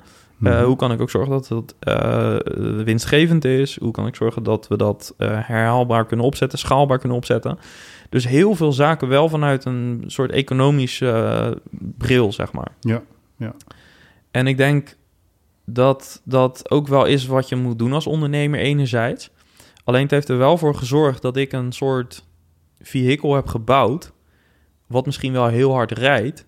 maar misschien rijdt het wel op een terrein dat mij niet ligt. ja. En wat jou dus ook minder voedt Precies. eh, in die end. Precies, ja. Dus het kan wel voor een andere ondernemer die wat andere waarden heeft, zou dit echt, denk ik, een fantastische formule zijn. Ja, Alleen ik merk dat het bij mij niet meer die vorm. Dat, en ik heb natuurlijk ook over nagedacht, ja, is dat nu gewoon voor mij? En het kan zijn dat mijn team er wel heel veel energie uit haalt. Hmm. Dus, en dat het wel op de waarde van de teamleden eh, past, zeg maar. ja, Maar dan kom ik toch wel tot de conclusie dat het vooral belangrijk is dat het bij jou zelf ook past. Want je moet zelf de energie kunnen doorgeven. Als je het zelf niet uithaalt, dan Ja. is het ook moeilijk om door te geven. Plus het feit dat ik het geluk heb dat de teamleden die ik direct om me heen heb, eh, zowel intern als de freelancers waar wij ook mee werken, dat die vaak best wel dezelfde waarde blijken te hebben. Dus dezelfde waarde als dat jij hebt. ja, wel Ja. of- misschien niet er op de letter nauwkeurig, maar dat Nee, ze wel dezelfde houding hebben. Ja. Ook eh, willen echt, echt, echt vakman zijn. En is minder belangrijk om zoveel mogelijk dingen te squeezen in een uur. Om te zorgen dat je aan het eind van de maand een hele fijne omzet hebt. Ja, ja. Ja. Ja, we- weet je wat ik eh, te gek vind aan jouw eh, verhaal? Is dat het, het begint met inzicht. Het, je hebt er, eh, de tijd genomen om mogelijk tot inzichten te komen. En misschien waren die er niet gekomen of minder of meer. Maar in ieder geval, je hebt daar de ruimte voor genomen. En daarbij kwam dat vakmanschap zo overduidelijk binnen. Vanuit waar je nu keuzes hebt gemaakt die veel meer doorleefd of zo zijn. Hè? Die eh, ehm, eh, heel eh, evident voor je, eh, voor je zijn. Eh, dat vind ik heel gaaf om te horen. Maar wat ik ook vaak eh, hoor van mensen, en ik weet niet hoe dat voor jou is, is, en dat eh, kan ook namens mezelf praten, herken ik bij mezelf ook, dat het ontdekken van wat belangrijk voor je is, maar dan nog de keus maken om daar iets mee te gaan doen, dat dat wel een doodenge stap is. Dus ook dat programma waar jij het over hebt, ehm, dan de keus maken om dat anders te gaan doen, omdat eh, eh, eh, nou, lo- hoe het nu staat los te laten en op een andere manier in te richten, dat is ook eng. Hè? Dus het is niet alleen maar mooi, oh ik weet wat belangrijk voor me is, dus, dus gaan met die banaan. Nee, het, is, eh, het levert vaak ook hele spannende keuzes op. Ja, Eh vraagt misschien ook weer offers. ja al zit dat wel. dat voor jou? Ja, dat zit wel alleen echt aan de financiële kant. En Ja. verder eigenlijk niet. Nee. Want ehm, ik heb nergens twijfel meer daarover, zeg maar. Ik, Nee. dit, dit zijn wel de keuzes die ik ook wil maken. Het, het voelt niet als moeten. Nee. Ik wil dit echt. Ja. En ja, dat heeft wel... eh, want het is, het is een groot deel van onze omzet. Ehm, dus normaal gesproken, als, als iemand mij dit verteld had... van joh, eh, ik ben een coach en ik ga je vertellen... dit Ja. zou je moeten doen. Zou je dan- niet eens? Ja. Nee, dan, dan was het niet... Dat, dat was niks geworden. Nee. Maar ik heb nu echt gewoon ge inzicht gekregen in wat is echt belangrijk. En ik dacht dat ik dat al lang wist, maar dat wist ik dus niet. Ja. En ik denk ook dat dat een doorlopend iets is, want eh, ook dat is denk ik niet iets waarvan je zegt van oké, maar nu heb ik het en dit is perfect en zo blijft het. Nee. Ik denk wel dat het een soort van ontdekkingstocht blijft. Ja. Maar nee, behalve dat financiële, die financiële impact is niet, niet eng. Nee, nee. Nou dat is mooi. En wat, wat eh, misschien ook nog goed is om, eh, om eens aan te stippen. Dat, hè, je waarde, ik zie je waarde altijd als de continenten op aarde. Ehm, hè, dus op een van de continenten kan bij jou vakmanschap staan. Maar stel nou dat er op een ander continent ook win, winstgevendheid zou staan. Hè, of Ja. of, of eh, geld. Ehm, dan kunnen die conflicteren met elkaar. Maar dat is ook hoe dat met de continenten op aarde is. De zon schijnt nooit op alle continenten tegelijk. De aarde draait. Dus het is soms dag, soms is het nacht. En zo is het ook met je waarden. Dus het zou ook kunnen zijn dat je conflicterende waarden hebt. eh, ogenschijnlijk, maar die, ja, die toch ook bij je passen. Ehm, en dat vraagt dus ook om een vorm van acceptatie. Kan ik accepteren dat de ene keer wat meer ehm, de waarde vakmanschap bijvoorbeeld eh, in de zon staat. En dat ik die alle ruimte kan geven. En een andere keer weer een waarde die daar mogelijk mee conflicteert. Ja, en dat, eh, dat is ook inherent aan, a- aan het leven. En eh, op het moment dat je daar met enige compassie ook naar kunt kijken, ehm, ja, dan zul je daar juist veel meer rust eh, in vinden. En ik denk ook eh, veel meer energie om de juiste acties te kunnen blijven zetten in lijn met die dingen die belangrijk voor je zijn. Ja. Kun jij voor jezelf zo'n conflicterende waarde benoemen? Of een situatie waarin een, twee of meerdere waarden van jou in conflict waren? Wat heb je Ja. daarmee gedaan? Ja, nee, ja, zeker. Nou, ik noemde daar straks iets over die reizen eh, naar, naar het buitenland, eh, dat ik zo'n groep meeneem. Ehm, eh, dat past heel erg bij mijn waarde van, van zwerven, van in het moment zijn, van ehm, ehm, de, de ruimte nemen en de vertraging ingaan. Maar iets anders wat heel erg belangrijk is en een waarde van me is, dat is om een goede vader te zijn naar mijn kinderen toe, maar ook een partner te zijn die beschikbaar is. Maar ja, als ik daar boven op een berg zit eh, in eh, Spanje en ik heb mijn telefoon heb ik dan uitstaan, ik ben een week niet bereikbaar. eh, ja, dan kan ik dus geen invulling geven aan die, die vader en die partner die ik ook thuis wil zijn. Nou, die staan dan duidelijk tegenover elkaar. Wat grappig is, dat ik telkens als ik zo weg ben, zo'n paar dagen of een week, dat ik eh, thuis juist heel erg ga missen. Missen op een gezonde manier. Ik heb er geen heimwee naar, maar wel dat ik voel en ervaar hoe waar- waardevol het voor me is wat ik thuis heb. Eh, dus het is ook altijd weer heel erg mooi thuiskomen. Ja, ja mooi voorbeeld. Ja, ja ik, zit, ik zit, zat voor mezelf ook te denken, want ook mijn gedachten dwalen soms af. Heb jij daar last van? ik ben, ben net een mens net een eigenlijk. mens. Ja. eh. Ja, valt tegen. Maar ik zat ook te denken van wat zijn nou in de afgelopen tijd eh, conflicterende waarden voor mij geweest. Maar ik, ik, heb dat nog niet zo heel erg waargenomen, nog niet zo heel erg tegengekomen. nee. Eh, maar ik snap deze, eh, Ja. deze situatie wel. Ja. Ja. Nou ja, misschien ga je het nog eh, ontdekken. Of wat, als je daar eens wat meer mm, ruimte aan geeft, wat meer bij stilstaat, dat je dat dan wel merkt. Ja. En soms, het kan ook zijn dat jouw waarden wel heel erg in lijn zijn met elkaar. En dat vaak één beweging in, eh, in relatie tot zo'n waarde ook een beweging in relatie tot die andere is. Ja. Dat kan natuurlijk ook, maar dat is voor iedereen anders. Ja, ja. Je hebt bij mij het keuzepuntmodel eh, neergelegd Ja. om betere keuzes te maken. Eh, Kun je daar iets over vertellen? Want ik heb het als heel verhelderend ervaren in combinatie dan met die waarden. Maar ik denk dat nu bij het verhaal van de waarden wel, Wel duidelijk is, duidelijk is. Ja. Ehm, en wat doet dat keuzepunt? Wat, de, de uitleg die je daarbij gaf was voor mij ook wel een eye-opener. Mhm. En tegelijkertijd is het, klinkt het zo eenvoudig dat je je afvraagt van waarom heb je het zelf niet bedacht? Ja, ja, jammer is dat altijd. Hè? Ja, ik heb het overigens ook zelf niet, eh, zelf niet bedacht. Eh, dat is Russ Harris eh, die dat heeft bedacht. Een, eh, een, een ACT coach, een therapeut. Een ACT staat voor Acceptance and Commitment Therapy of Training. Ehm, eh, en dat is eh, nou, een model wat ik heel veel ook gebruik in, eh, in hoe ik werk. Het keuzepunt gaat erover, je hebt in het leven allerlei situaties en gevoelens en gedachten die je meemaakt. En een, een situatie, ehm, nou even als, als voorbeeld, stel jij ehm, moet een klant bellen. Eh kou acquisitiegesprek bijvoorbeeld, hè, dat is een situatie. En het kan zijn dat je daar heel erg tegenop ziet. Eh, dat spannend vindt, eh, nou, misschien ook de afwijzing lastig vindt. eh, of misschien heb je wel, wat belangrijk voor je is, dat je juist kunt scoren. En nou, die kans bij koude acquisitie is altijd vrij klein. Dus er gebeurt van alles in je, waardoor je misschien gaat uitstellen. Ehm, eh, waardoor je, ehm, als je eenmaal wel gaat bellen, misschien heel veel en heel snel gaat praten. Omdat je denkt ook, ik moet wel mijn pitch eh, moet ik doen. En eh, nou, dus met andere woorden, je komt niet uit de verf zoals je uit de verf zou willen komen. Of je raakt überhaupt niet in gesprek, omdat je telkens maar uitstelt en andere dingen gaat doen die minder belangrijk zijn. Nou, dus waar gaat het in het keuzepunt eh, om? Dat je opmerkt, hè, dus daar kom ik weer mee, dat je opmerkt dat je ehm, eigenlijk in gedrag vervalt wa- wat jou niet dient, waar je niet blij van wordt, waar je uiteindelijk eh, ehm, eh, niet, wat je eigenlijk niet wil. En dat wordt ook wel vastgehaakt gedrag genoemd. En dat komt vanuit ons brein voort. Ons brein wil zorgen dat wij geen momenten van falen ervaren, dat we bij de groep blijven horen, hè, waar ik daar straks ook iets over, over vertelde. Die wil ons beschermen. Nou, daardoor ga je dingen doen die misschien helemaal niet zo eh, wenselijk zijn. Of dingen vermijden.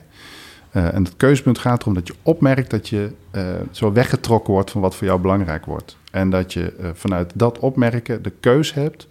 Oké, wil ik dit? Kies ik ervoor om uit te stellen dat ik die klant eh, ga bellen? Of eh, kies ik ervoor om op een andere manier eh, invulling te geven aan deze situatie? Inclusief die gevoelens en gedachten van onzekerheid misschien die ik daarbij heb. oh ja, ik vind het spannend om die klant te bellen. En toch is het voor mij belangrijk om wel die klant te gaan bellen. Dus desondanks Dus ik- de angst. Ja, desondanks, desondanks de angst. En ehm, nou, wat vraagt dat dan voor mij? En dat is de keuze. Wat vraagt het dan voor mij om dat minder spannend eh, te maken? Oké, nou, misschien moet ik het ook eens even nog met een collega doorspreken. Of misschien moet ik het even oefenen voordat ik die, klant ga bellen. Of, hè, maar dus wat zijn stappen in lijn met wat jij wel wil? Eh, en dat is waar het keuzepunt over gaat. Dus situaties, gedachten, gebeurtenissen opmerken. En stoppen met eh, een soort van vastgehaakt gedrag... waar je of gaat controleren of vermijden. Daar vertelde ik daar straks al iets over. En kiest voor een beweging eh, in lijn met wat je dan wel zou willen doen. Ja. En om te weten wat je wel wilt doen, daar heb je dus de instrumenten waar we het over gehad hebben. Dus eh, meer naar binnen kijken, vertragen, je waarde definiëren en eh, dat als kompas gebruiken. Ja, dus het gaat om, in het, om op te kunnen merken, is het in het hier en nu kunnen zijn. Dus nu opmerken wat, er, wat er nu in mij omgaat of de situatie waar ik me in bevind. En een andere, eh, en wat dan vervolgens belangrijk is, is om ehm, te accepteren. Hè, dus eh, daar straks zei je ergens van ja, eh, ik wil dit niet of dit moet niet. Nee, accepteren dat die gedachten en gevoelens er zijn. Kun je dat accepteren? En dat kan, kun je niet altijd, maar dat is iets wat je dus ook kunt leren. En waar ik mensen dus in coaching en in training bij, bij help. Dus kun je accepteren dat die gedachte en die spanning er nou eenmaal is. Ehm, en een ander element wat je dan te leren misschien nog hebt, en dat wordt ook wel diffusie genoemd. Je kunt soms echt fuseren met je gedachten. Namelijk als ik de gedachte heb, die klant zit niet op mij te wachten. Ja, dan, dan word ik een soort van één met die gedachte. En eh, ja, dat wordt ook altijd self-fulfilling prophecy genoemd. Dan wordt het ook een heel ingewikkeld gesprek waarschijnlijk.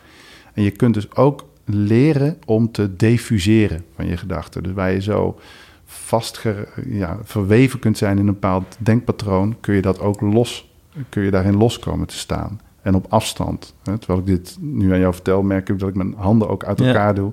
Dus dat dat twee losse elementen zijn. Ja. En, en dat is misschien nog wel, naast de waarde die ik niet veel meer zal noemen, naast de waarde, ook wel een van de belangrijkste dingen. Dat is loskomen van je denken.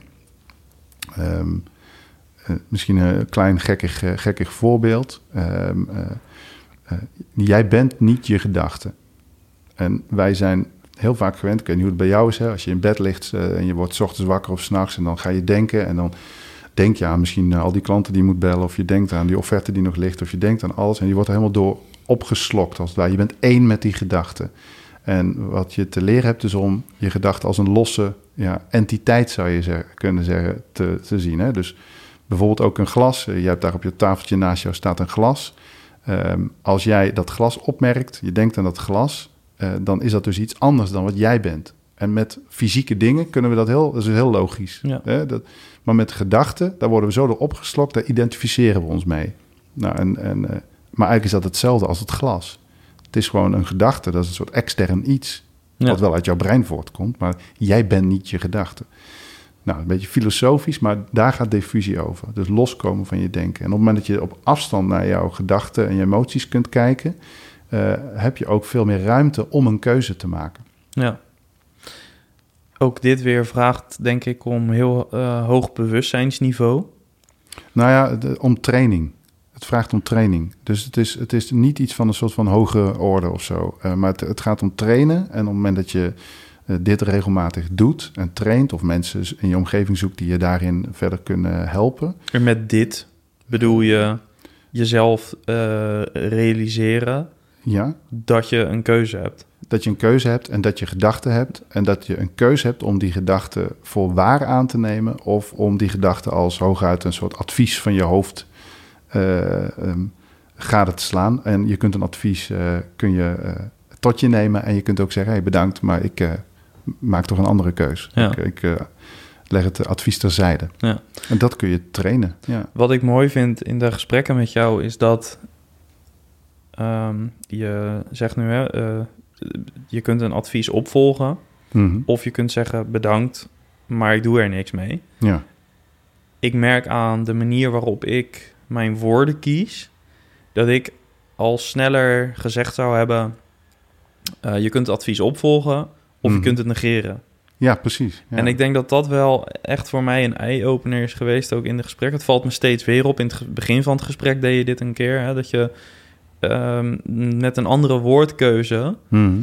ook laat zien dat het niet zo heel erg uitmaakt dat je iets meemaakt, als je het maar meemaakt. Dat je het niet Ja, exact. verdrinkt, dat je het niet ehm, negeert, maar dat je het meemaakt en dat je er dan vervolgens bewust iets van vindt, Ja. zodat je ook bewust kunt kiezen. Kies voor A of B, of ik creëer C erbij van mijn part. Maar Ja. het is niet meer het eh, dus ja of nee. Nee. precies. En het negeren of het opvolgen. Ja, ja. ja, volgens mij is dat eh, de zin eh, van het leven. Om ja, in het hier en nu ehm, eh, het mee te maken. En ja, dat is het leven. En hoe kijk jij dan naar de langere termijn? Heb jij voor jezelf bijvoorbeeld of samen met je partner of je gezin... ehm, schets je wel eens vergezichten? Bijvoorbeeld over hoe het leven eruit zou kunnen zien over een aantal jaar? Ja, maar dat, oh, dat, dat, dat vind ik dus wel ingewikkelde, ingewikkelde dingen. In zoverre, kijk, als ik bijvoorbeeld eh, eh, op televisie Ik Vertrek kijk... dan denk ik, oh, ik zou eh, ooit misschien ook nog eens in het buitenland of zo... Hè, ook eh, een beetje zo'n zo'n plekje of zo willen creëren. Kijk jij op die manier naar Ik Vertrek? Ja, ja. Oh, jij kijkt, hoe, kunnen hoe kunnen ze? Nee, ik kijk altijd van... hoe kan je met zo weinig voorbereiding... zulke absurde plannen hebben? Ja, ja, ja. ja. Ja, nee, zo kijk ik er ook naar. Dus ik, het is ook een beetje leedvermaak eh, Ja, hoe je naar zo'n Voor programma... mij wel, ja. Hoe je naar zo'n programma zit te kijken. En toch zou ik, zou ik het ergens ook wel willen. Hè? Om, eh, om zo in het buitenland op een plek. En tegelijkertijd, en dat, is- daar, ben ik gewoon dan nog niet uit... zie ik eh, ook bij zoiets... zie ik eh, ook allerlei beren op de weg. Dat ik denk, ja, maar ja, ik heb hier ook in Nederland een plek... en we, de, de kinderen gaan hier naar school... en dat zou ik ze ook niet willen ontnemen. En, eh, maar dus dat is dan eerder een soort van vergezicht voor... voor als we dan echt over een vergezicht zijn voor iets later... als de kinderen eenmaal uitgevlogen zijn of zo. Dat we dan zeggen, nou weet je, we gaan, we gaan gewoon nog eens gek doen... en we, we gaan reizen of...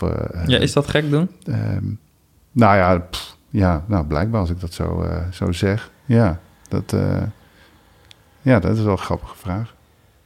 Nou, vind ik toch wel... Ja, ik nou, het is misschien niet gek doen, maar ik vind dat wel een spannende stap. Dus dat is misschien waarom ik het zo noem. Omdat eh, zo'n zo'n stap om te, te gaan emigreren, want dat zou dat dan zijn... dat vind ik wel een spannende stap, ja. Ja. Hoor je dit geluid op de achtergrond? Ja.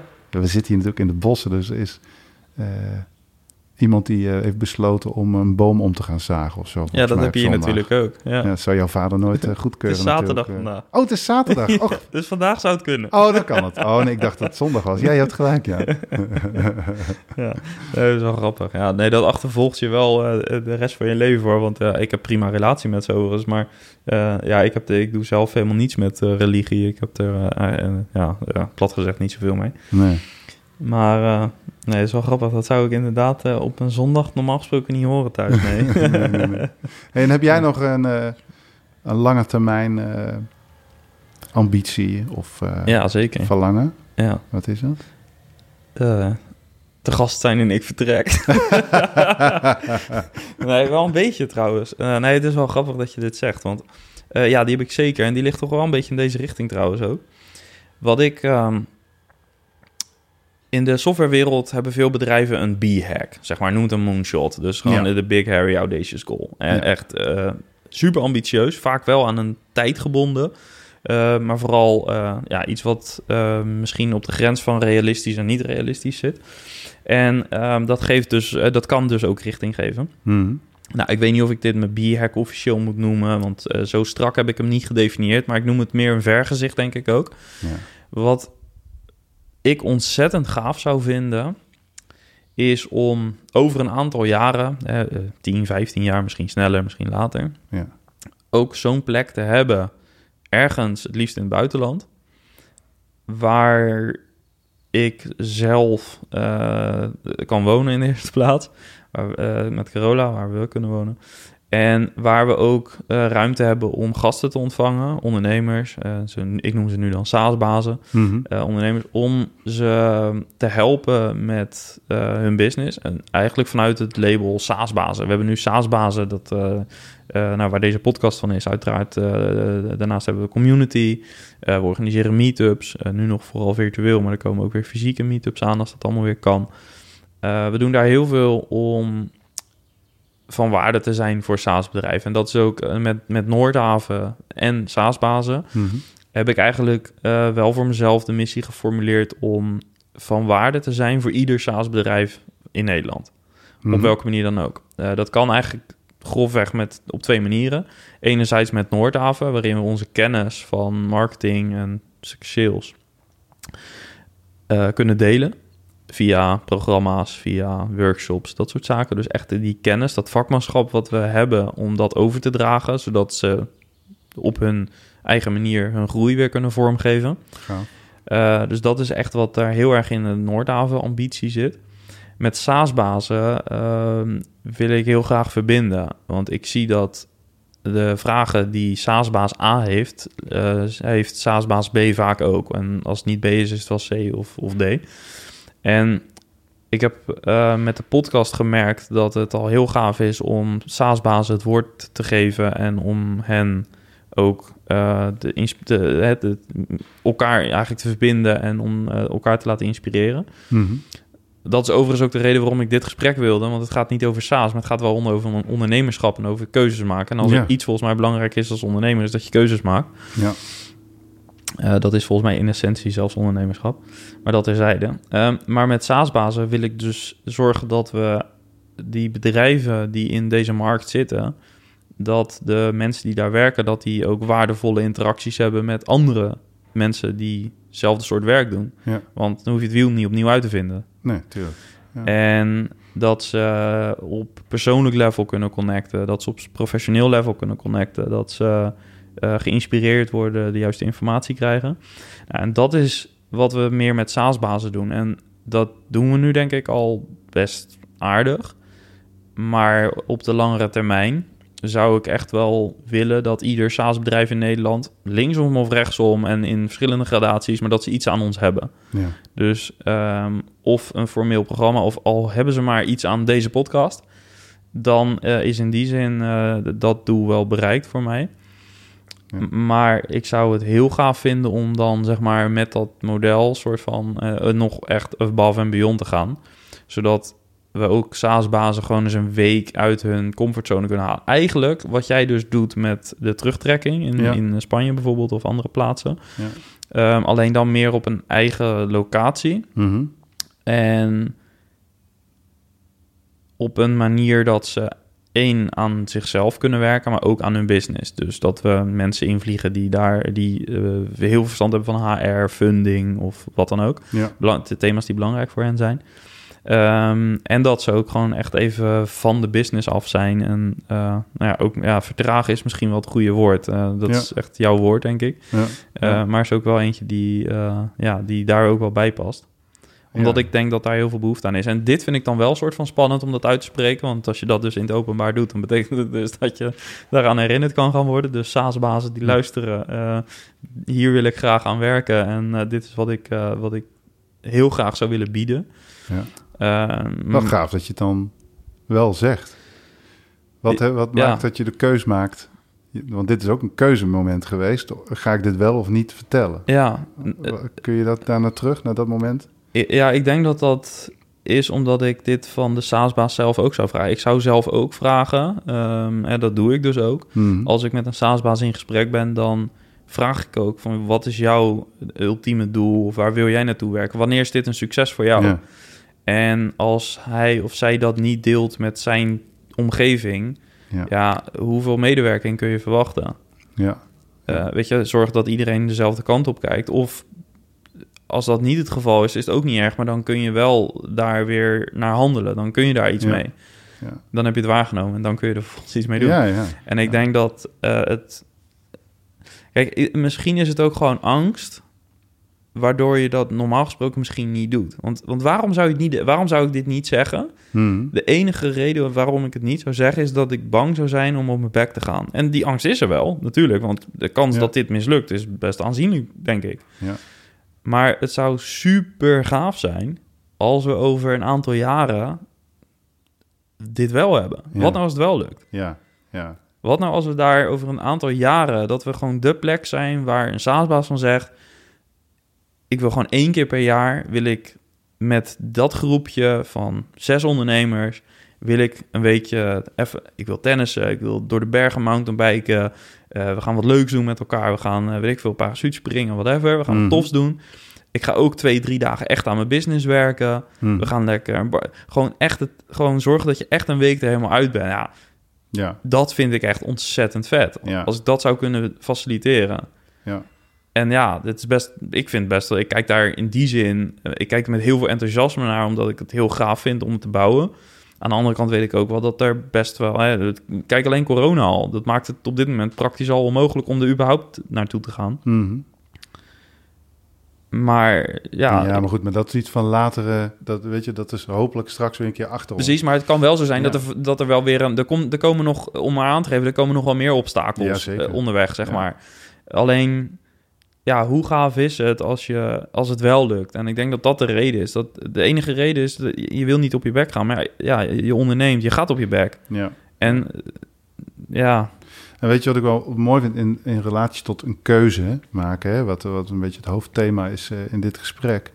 Eh, het feit dat je er nu voor hebt gekozen om dit uit te spreken, daardoor is de, de kans alweer groter dat jij meer stappen gaat zetten in lijn met eh, waar jij heel graag naartoe wil bewegen. ja, En zo kom je inderdaad nog veel meer beren onderweg tegen. eh, met gedachten, misschien externe factoren, misschien met de klanten waar je ook belofte aan hebt gedaan enzovoorts. Ehm, eh, maar dit is er al één heb je dan nu genomen door het überhaupt eh, te delen. ja. En eh, ja, maar, dat, ik, ja, maar ik snap wel waar je vraag vandaan komt hoor. Want die is ook echt terecht. Ik, ik voel ook echt wel. en het is met name angst. ik voel ook echt wel dat. Er, zal, er zullen ook luisteraars die zijn. Die, misschien die denken van ja, eh, wat een waanzin. Eh, dus ik helemaal niet op te wachten. Heb ik geen behoefte aan. Of ja. eh, wat een waardeloos concept. Of Ja. grote praat. Weet ik veel wat. of dat zou ik ook wel willen. Dat zou, ja, ook. geen idee. Maar er kunnen allerlei redenen zijn voor een luisteraar misschien om te denken van ja, kan, ik, kan ik helemaal niks mee. Ja. Maar ja, wat nou als er één of twee luisteraars zijn die denken van wauw, daar wil ik bij zijn. Ja. Nou ja, dat zou toch al super vet zijn. Ja, ja, dat en ja, eh, ja. als het mislukt, ja. En, en wat is mislukken? Z- Kan het Hmm. mislukken? Wat is jouw visie daar eigenlijk op? Ja, Kan, kan, kan, dit mislukken? Ja, tuurlijk kan het mislukken. Als eh, eh, jouw idee, als niemand eh, daar eh, eh, geld voor over heeft en daarvoor gaat, ja, dan, dan gaat dat mislukken. Ehm, maar dat wil niet zeggen dat ehm, het ehm, niets heeft gedaan voor je en niets heeft betekend. Volgens mij heb jij door na te denken over wat zou ik nog meer willen, wat is belangrijk voor me. En daardoor raak je misschien met andere mensen in gesprek. Dus ik ben ervan overtuigd dat überhaupt eh, eh, jouw ambitie, hè, deze ambitie in gang zetten. Ehm dat kan zijn dat je uiteindelijk helemaal niet komt bij dat huis in. Wat zal het zijn? Spanje dan straks? Malaga. Of, eh, Malaga, oh ja. Oh, het is ook dicht bij zee. Maar eh, misschien komt dat huis er ooit komt dat er helemaal niet. En ga je er nooit met een groep naartoe. Maar überhaupt de beweging daar naartoe. En alle deuren die dat verder openzetten. En dingen die je daarin ontdekt. En die daardoor op je pad komen. Dat is ook al de waarde. Dat is ook al de winst. Ja, En dan misschien, en, en dat denk ik, het, het- dus wanneer is dit geslaagd? En dat is volgens mij waar we helemaal mee begonnen met eh, eh, waarom eh, het streven naar geluk of doelen nastreven. Is het doel, het is pas geslaagd als ik met een groep in Malaga zit? Of is het misschien ook geslaagd als je de, reis daar naartoe al als ehm, eh, doel op zich ziet met alles wat daarin aan winst op je af kan komen? Ja. Nou ja, kijk, ik heb eerder gedacht dat ik op de goede weg was met mijn business. En eh, nu de afgelopen tijd eh, kom ik tot de conclusie dat dat vanuit zakelijk perspectief zo is. Ja. En dat er ook heel veel dingen zijn, overigens waar ik, want het klinkt wat negatiever dan het is. Want er zijn heel veel dingen die ik ook nog steeds heel gaaf vind. Maar er Ja. zijn ook wel dingen waarvan ik denk van ja, twee jaar geleden ben ik daar met heel veel enthousiasme aan begonnen. Mhm. Maar dat zijn niet per se de diensten, de onderdelen waar ik eh, nu nog steeds in geloof. En dat heeft me ook wel geleerd. Dat ja, ik heb nu nieuwe dingen over mezelf geleerd. Dus een aantal beslissingen genomen om Ja. te veranderen. Maar het kan zomaar zijn dat ik over twee jaar zeg van ja, maar wat ik daar eh, op die zaterdagmiddag in dat boshuisje heb gezegd over die ambitie van Malaga, Ja. of wat dan ook, dat, dat, dat ik heb nieuwe inzichten opgedaan. Zeker. En, dat, en, en dus in die zin, Ja. daar kwam ook mijn vraag vandaan, kan het mislukken? Misschien kan het wel zijn dat het anders uitpakt, maar eigenlijk Ja. is jouw antwoord ook, het gaat je altijd weer iets brengen. Het brengt je altijd naar het volgende naar volgende Ja, inzicht. dus, Ja. dus zeg maar, dit idee kan mislukken. Ja. Namelijk Malaga in dat huis en hoe je dat huis misschien nu ook al voor je ziet en ingericht hebt. En hoe je aan een lange tafel ziet zitten met die, eh, die barbecue. Ja, Dat, dat idee kan mislukken. Maar het idee van eh, en wat er eigenlijk veel meer aan betekenis onder ligt, volgens mij kan dat niet mislukken. waardevol zijn voor Ja, en dat, Ja. en dat jij mensen in contact wil brengen met elkaar en dat je ook mensen wat meer de vertraging in wil. Hè? Dus misschien is Malaga wat uiteindelijk niet gaat lukken, maar ga jij onherroepelijk dingen wel eh, inrichten die veel meer in lijn zijn met eh, eh, dat concept. Ja, En misschien wordt het uiteindelijk Malaga. En, Ja. en misschien ook nog wel andere dingen die je onderweg tegenkomt. ja, En ik denk als je jezelf daar een soort van vrije ruimte ingeeft, dat je ook een afslag naar links of naar rechts kunt nemen. Ja, dat is het ultieme ondernemen. ja. Eh, dat is toch gaaf? Daar Ja. zit, als ik jou Daar zit juist die keuze in. Ja, maar daar, Ja, en daar ja. zit ook energie op. Ja, ja. Dat is gaaf. ja, mooi. Wat zou je, om af te sluiten, wat zou je nog willen delen met de luisteraar als het gaat om maken van keuzes? We hebben al heel veel dingen gecoverd, maar misschien zijn er dingen waar ik niet naar gevraagd heb. Ja. Nou, wat er in me opkomt is, je hebt altijd een keuze. Dus ook als jij dat bedrijf hebt. ehm, nou, ik, ik, ik wil dan nog een korte persoonlijke anekdote vertellen die dit onderschrijft. Ja. Ehm, ik heb. eh, eh, ja, je hoort dat ik aarzel van hoe ga ik dit vertellen, omdat het ook over iemand anders gaat. Ik heb eh, hiervoor een lange relatie eh, gehad, al vanaf mijn. eh, nou, ik was net 18, dus een soort van mijn high school sweetheart. Eh, en we zijn eh, eh, twaalf jaar of zo samen geweest. En in mijn relatie werd zij ziek. Zij kreeg MS. Ik was toen zelf begin twintig. Dat was allemaal heel verdrietig en heel tragisch. Ehm, voor haar vooral. En het was ook ingewikkeld, gewoon voor ons samen, zo jong als, eh, als we waren. Ehm, nou, en ik had ondertussen een goede baan. En eh, nou, ik, eh, we ontwikkelden ons wel goed. En eh, nou, ik had een leaseauto. En we hadden op een gegeven moment een, een vrijstaand huis. En ondanks de situatie en het verdriet en de ellende waar we ook in zaten, hadden we het wel goed voor elkaar. Maar toch eh, merkte ik dat ik nog iets anders wilde. Ik wilde eigenlijk stoppen met die baan en alle verworvenheden die daarbij eh, eh, hoorden. En ik wilde weer gaan studeren. Ik wilde me op een andere manier gaan ontwikkelen. En ik ben toen acteerlessen gaan volgen. Ehm, dat was toen tien zaterdagen. En ergens zo, tijdens die dagen was ik met die docent in gesprek. En toen zei ik van ja, ik zou eigenlijk wel de driejarige opleiding willen gaan doen.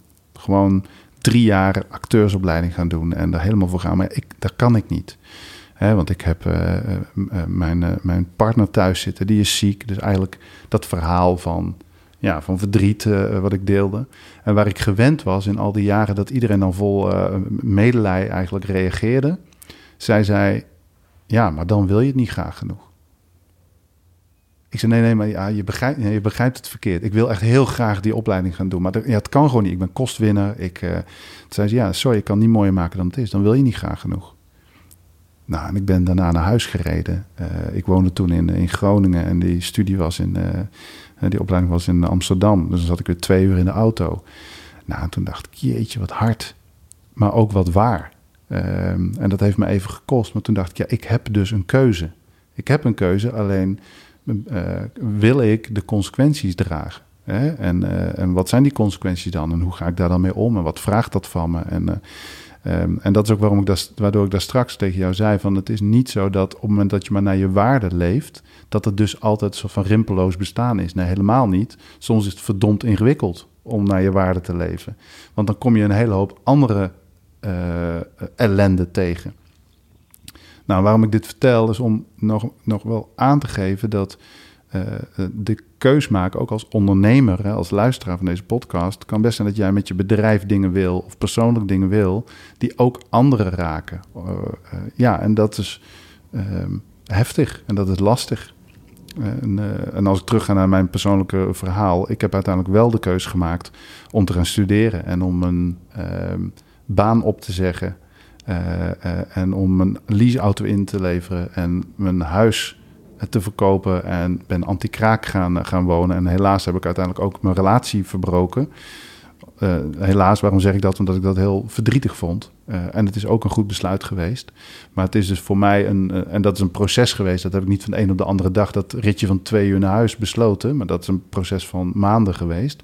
Maar uiteindelijk heb ik het aangedurfd om die keuze te maken. En daar is voor mij ehm, nou, een heel nieuwe, nieuwe wereld open gegaan. Waar ik uh, dolgelukkig van ben dat ik die keuze heb gemaakt. Dus vandaar dat ik zeg, je hebt altijd een keuze. Ja. En het is niet altijd makkelijk. Ja.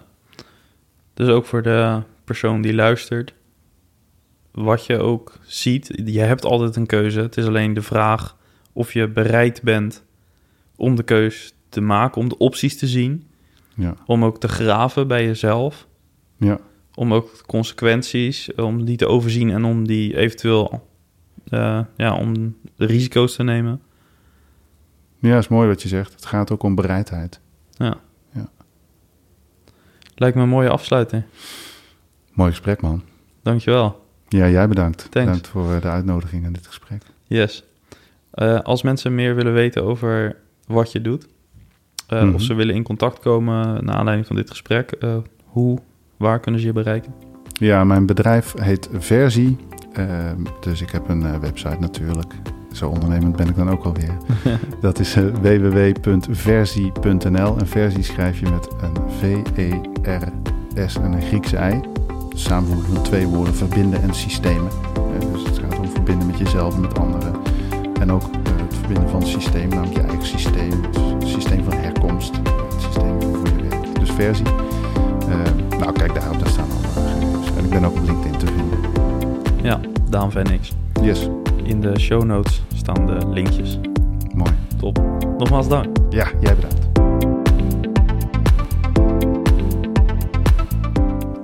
Alright, en dat was dus mijn gesprek met Daan.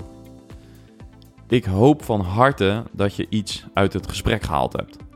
Ik realiseer me dat een podcast met de duur van een voetbalwedstrijd je misschien niet de doorbraak gaat geven die mijn heidag heeft opgeleverd. Maar wellicht heb je toch een soort inzicht opgedaan. En heeft Daan je getriggerd om op een bepaalde manier in actie te komen. Of om je minder constructieve gedachten op te merken. Want daar begint het dus mee. Laat me weten wat je van deze aflevering vond. Want enerzijds voelt het spannend om af te wijken van het gebruikelijke script. En om zo'n persoonlijke aflevering te maken. En anderzijds vind ik het ook fijn dat ik zo'n gesprek kan delen. Omdat het laat zien hoe ik mezelf probeer te ontwikkelen. En dat dit soort. Uh, ja, dat dit overduidelijk met vallen en opstaan gaat dus. En wellicht helpt dat jou ook weer een beetje verder. Goed, check de website van uh, Versie. De link staat in de show notes. Want het is duidelijk dat ik Daan aanbeveel. Al realiseer ik me ook dat iedereen op een andere manier leert. En dat er geen one size fits all formule is voor dit soort vraagstukken.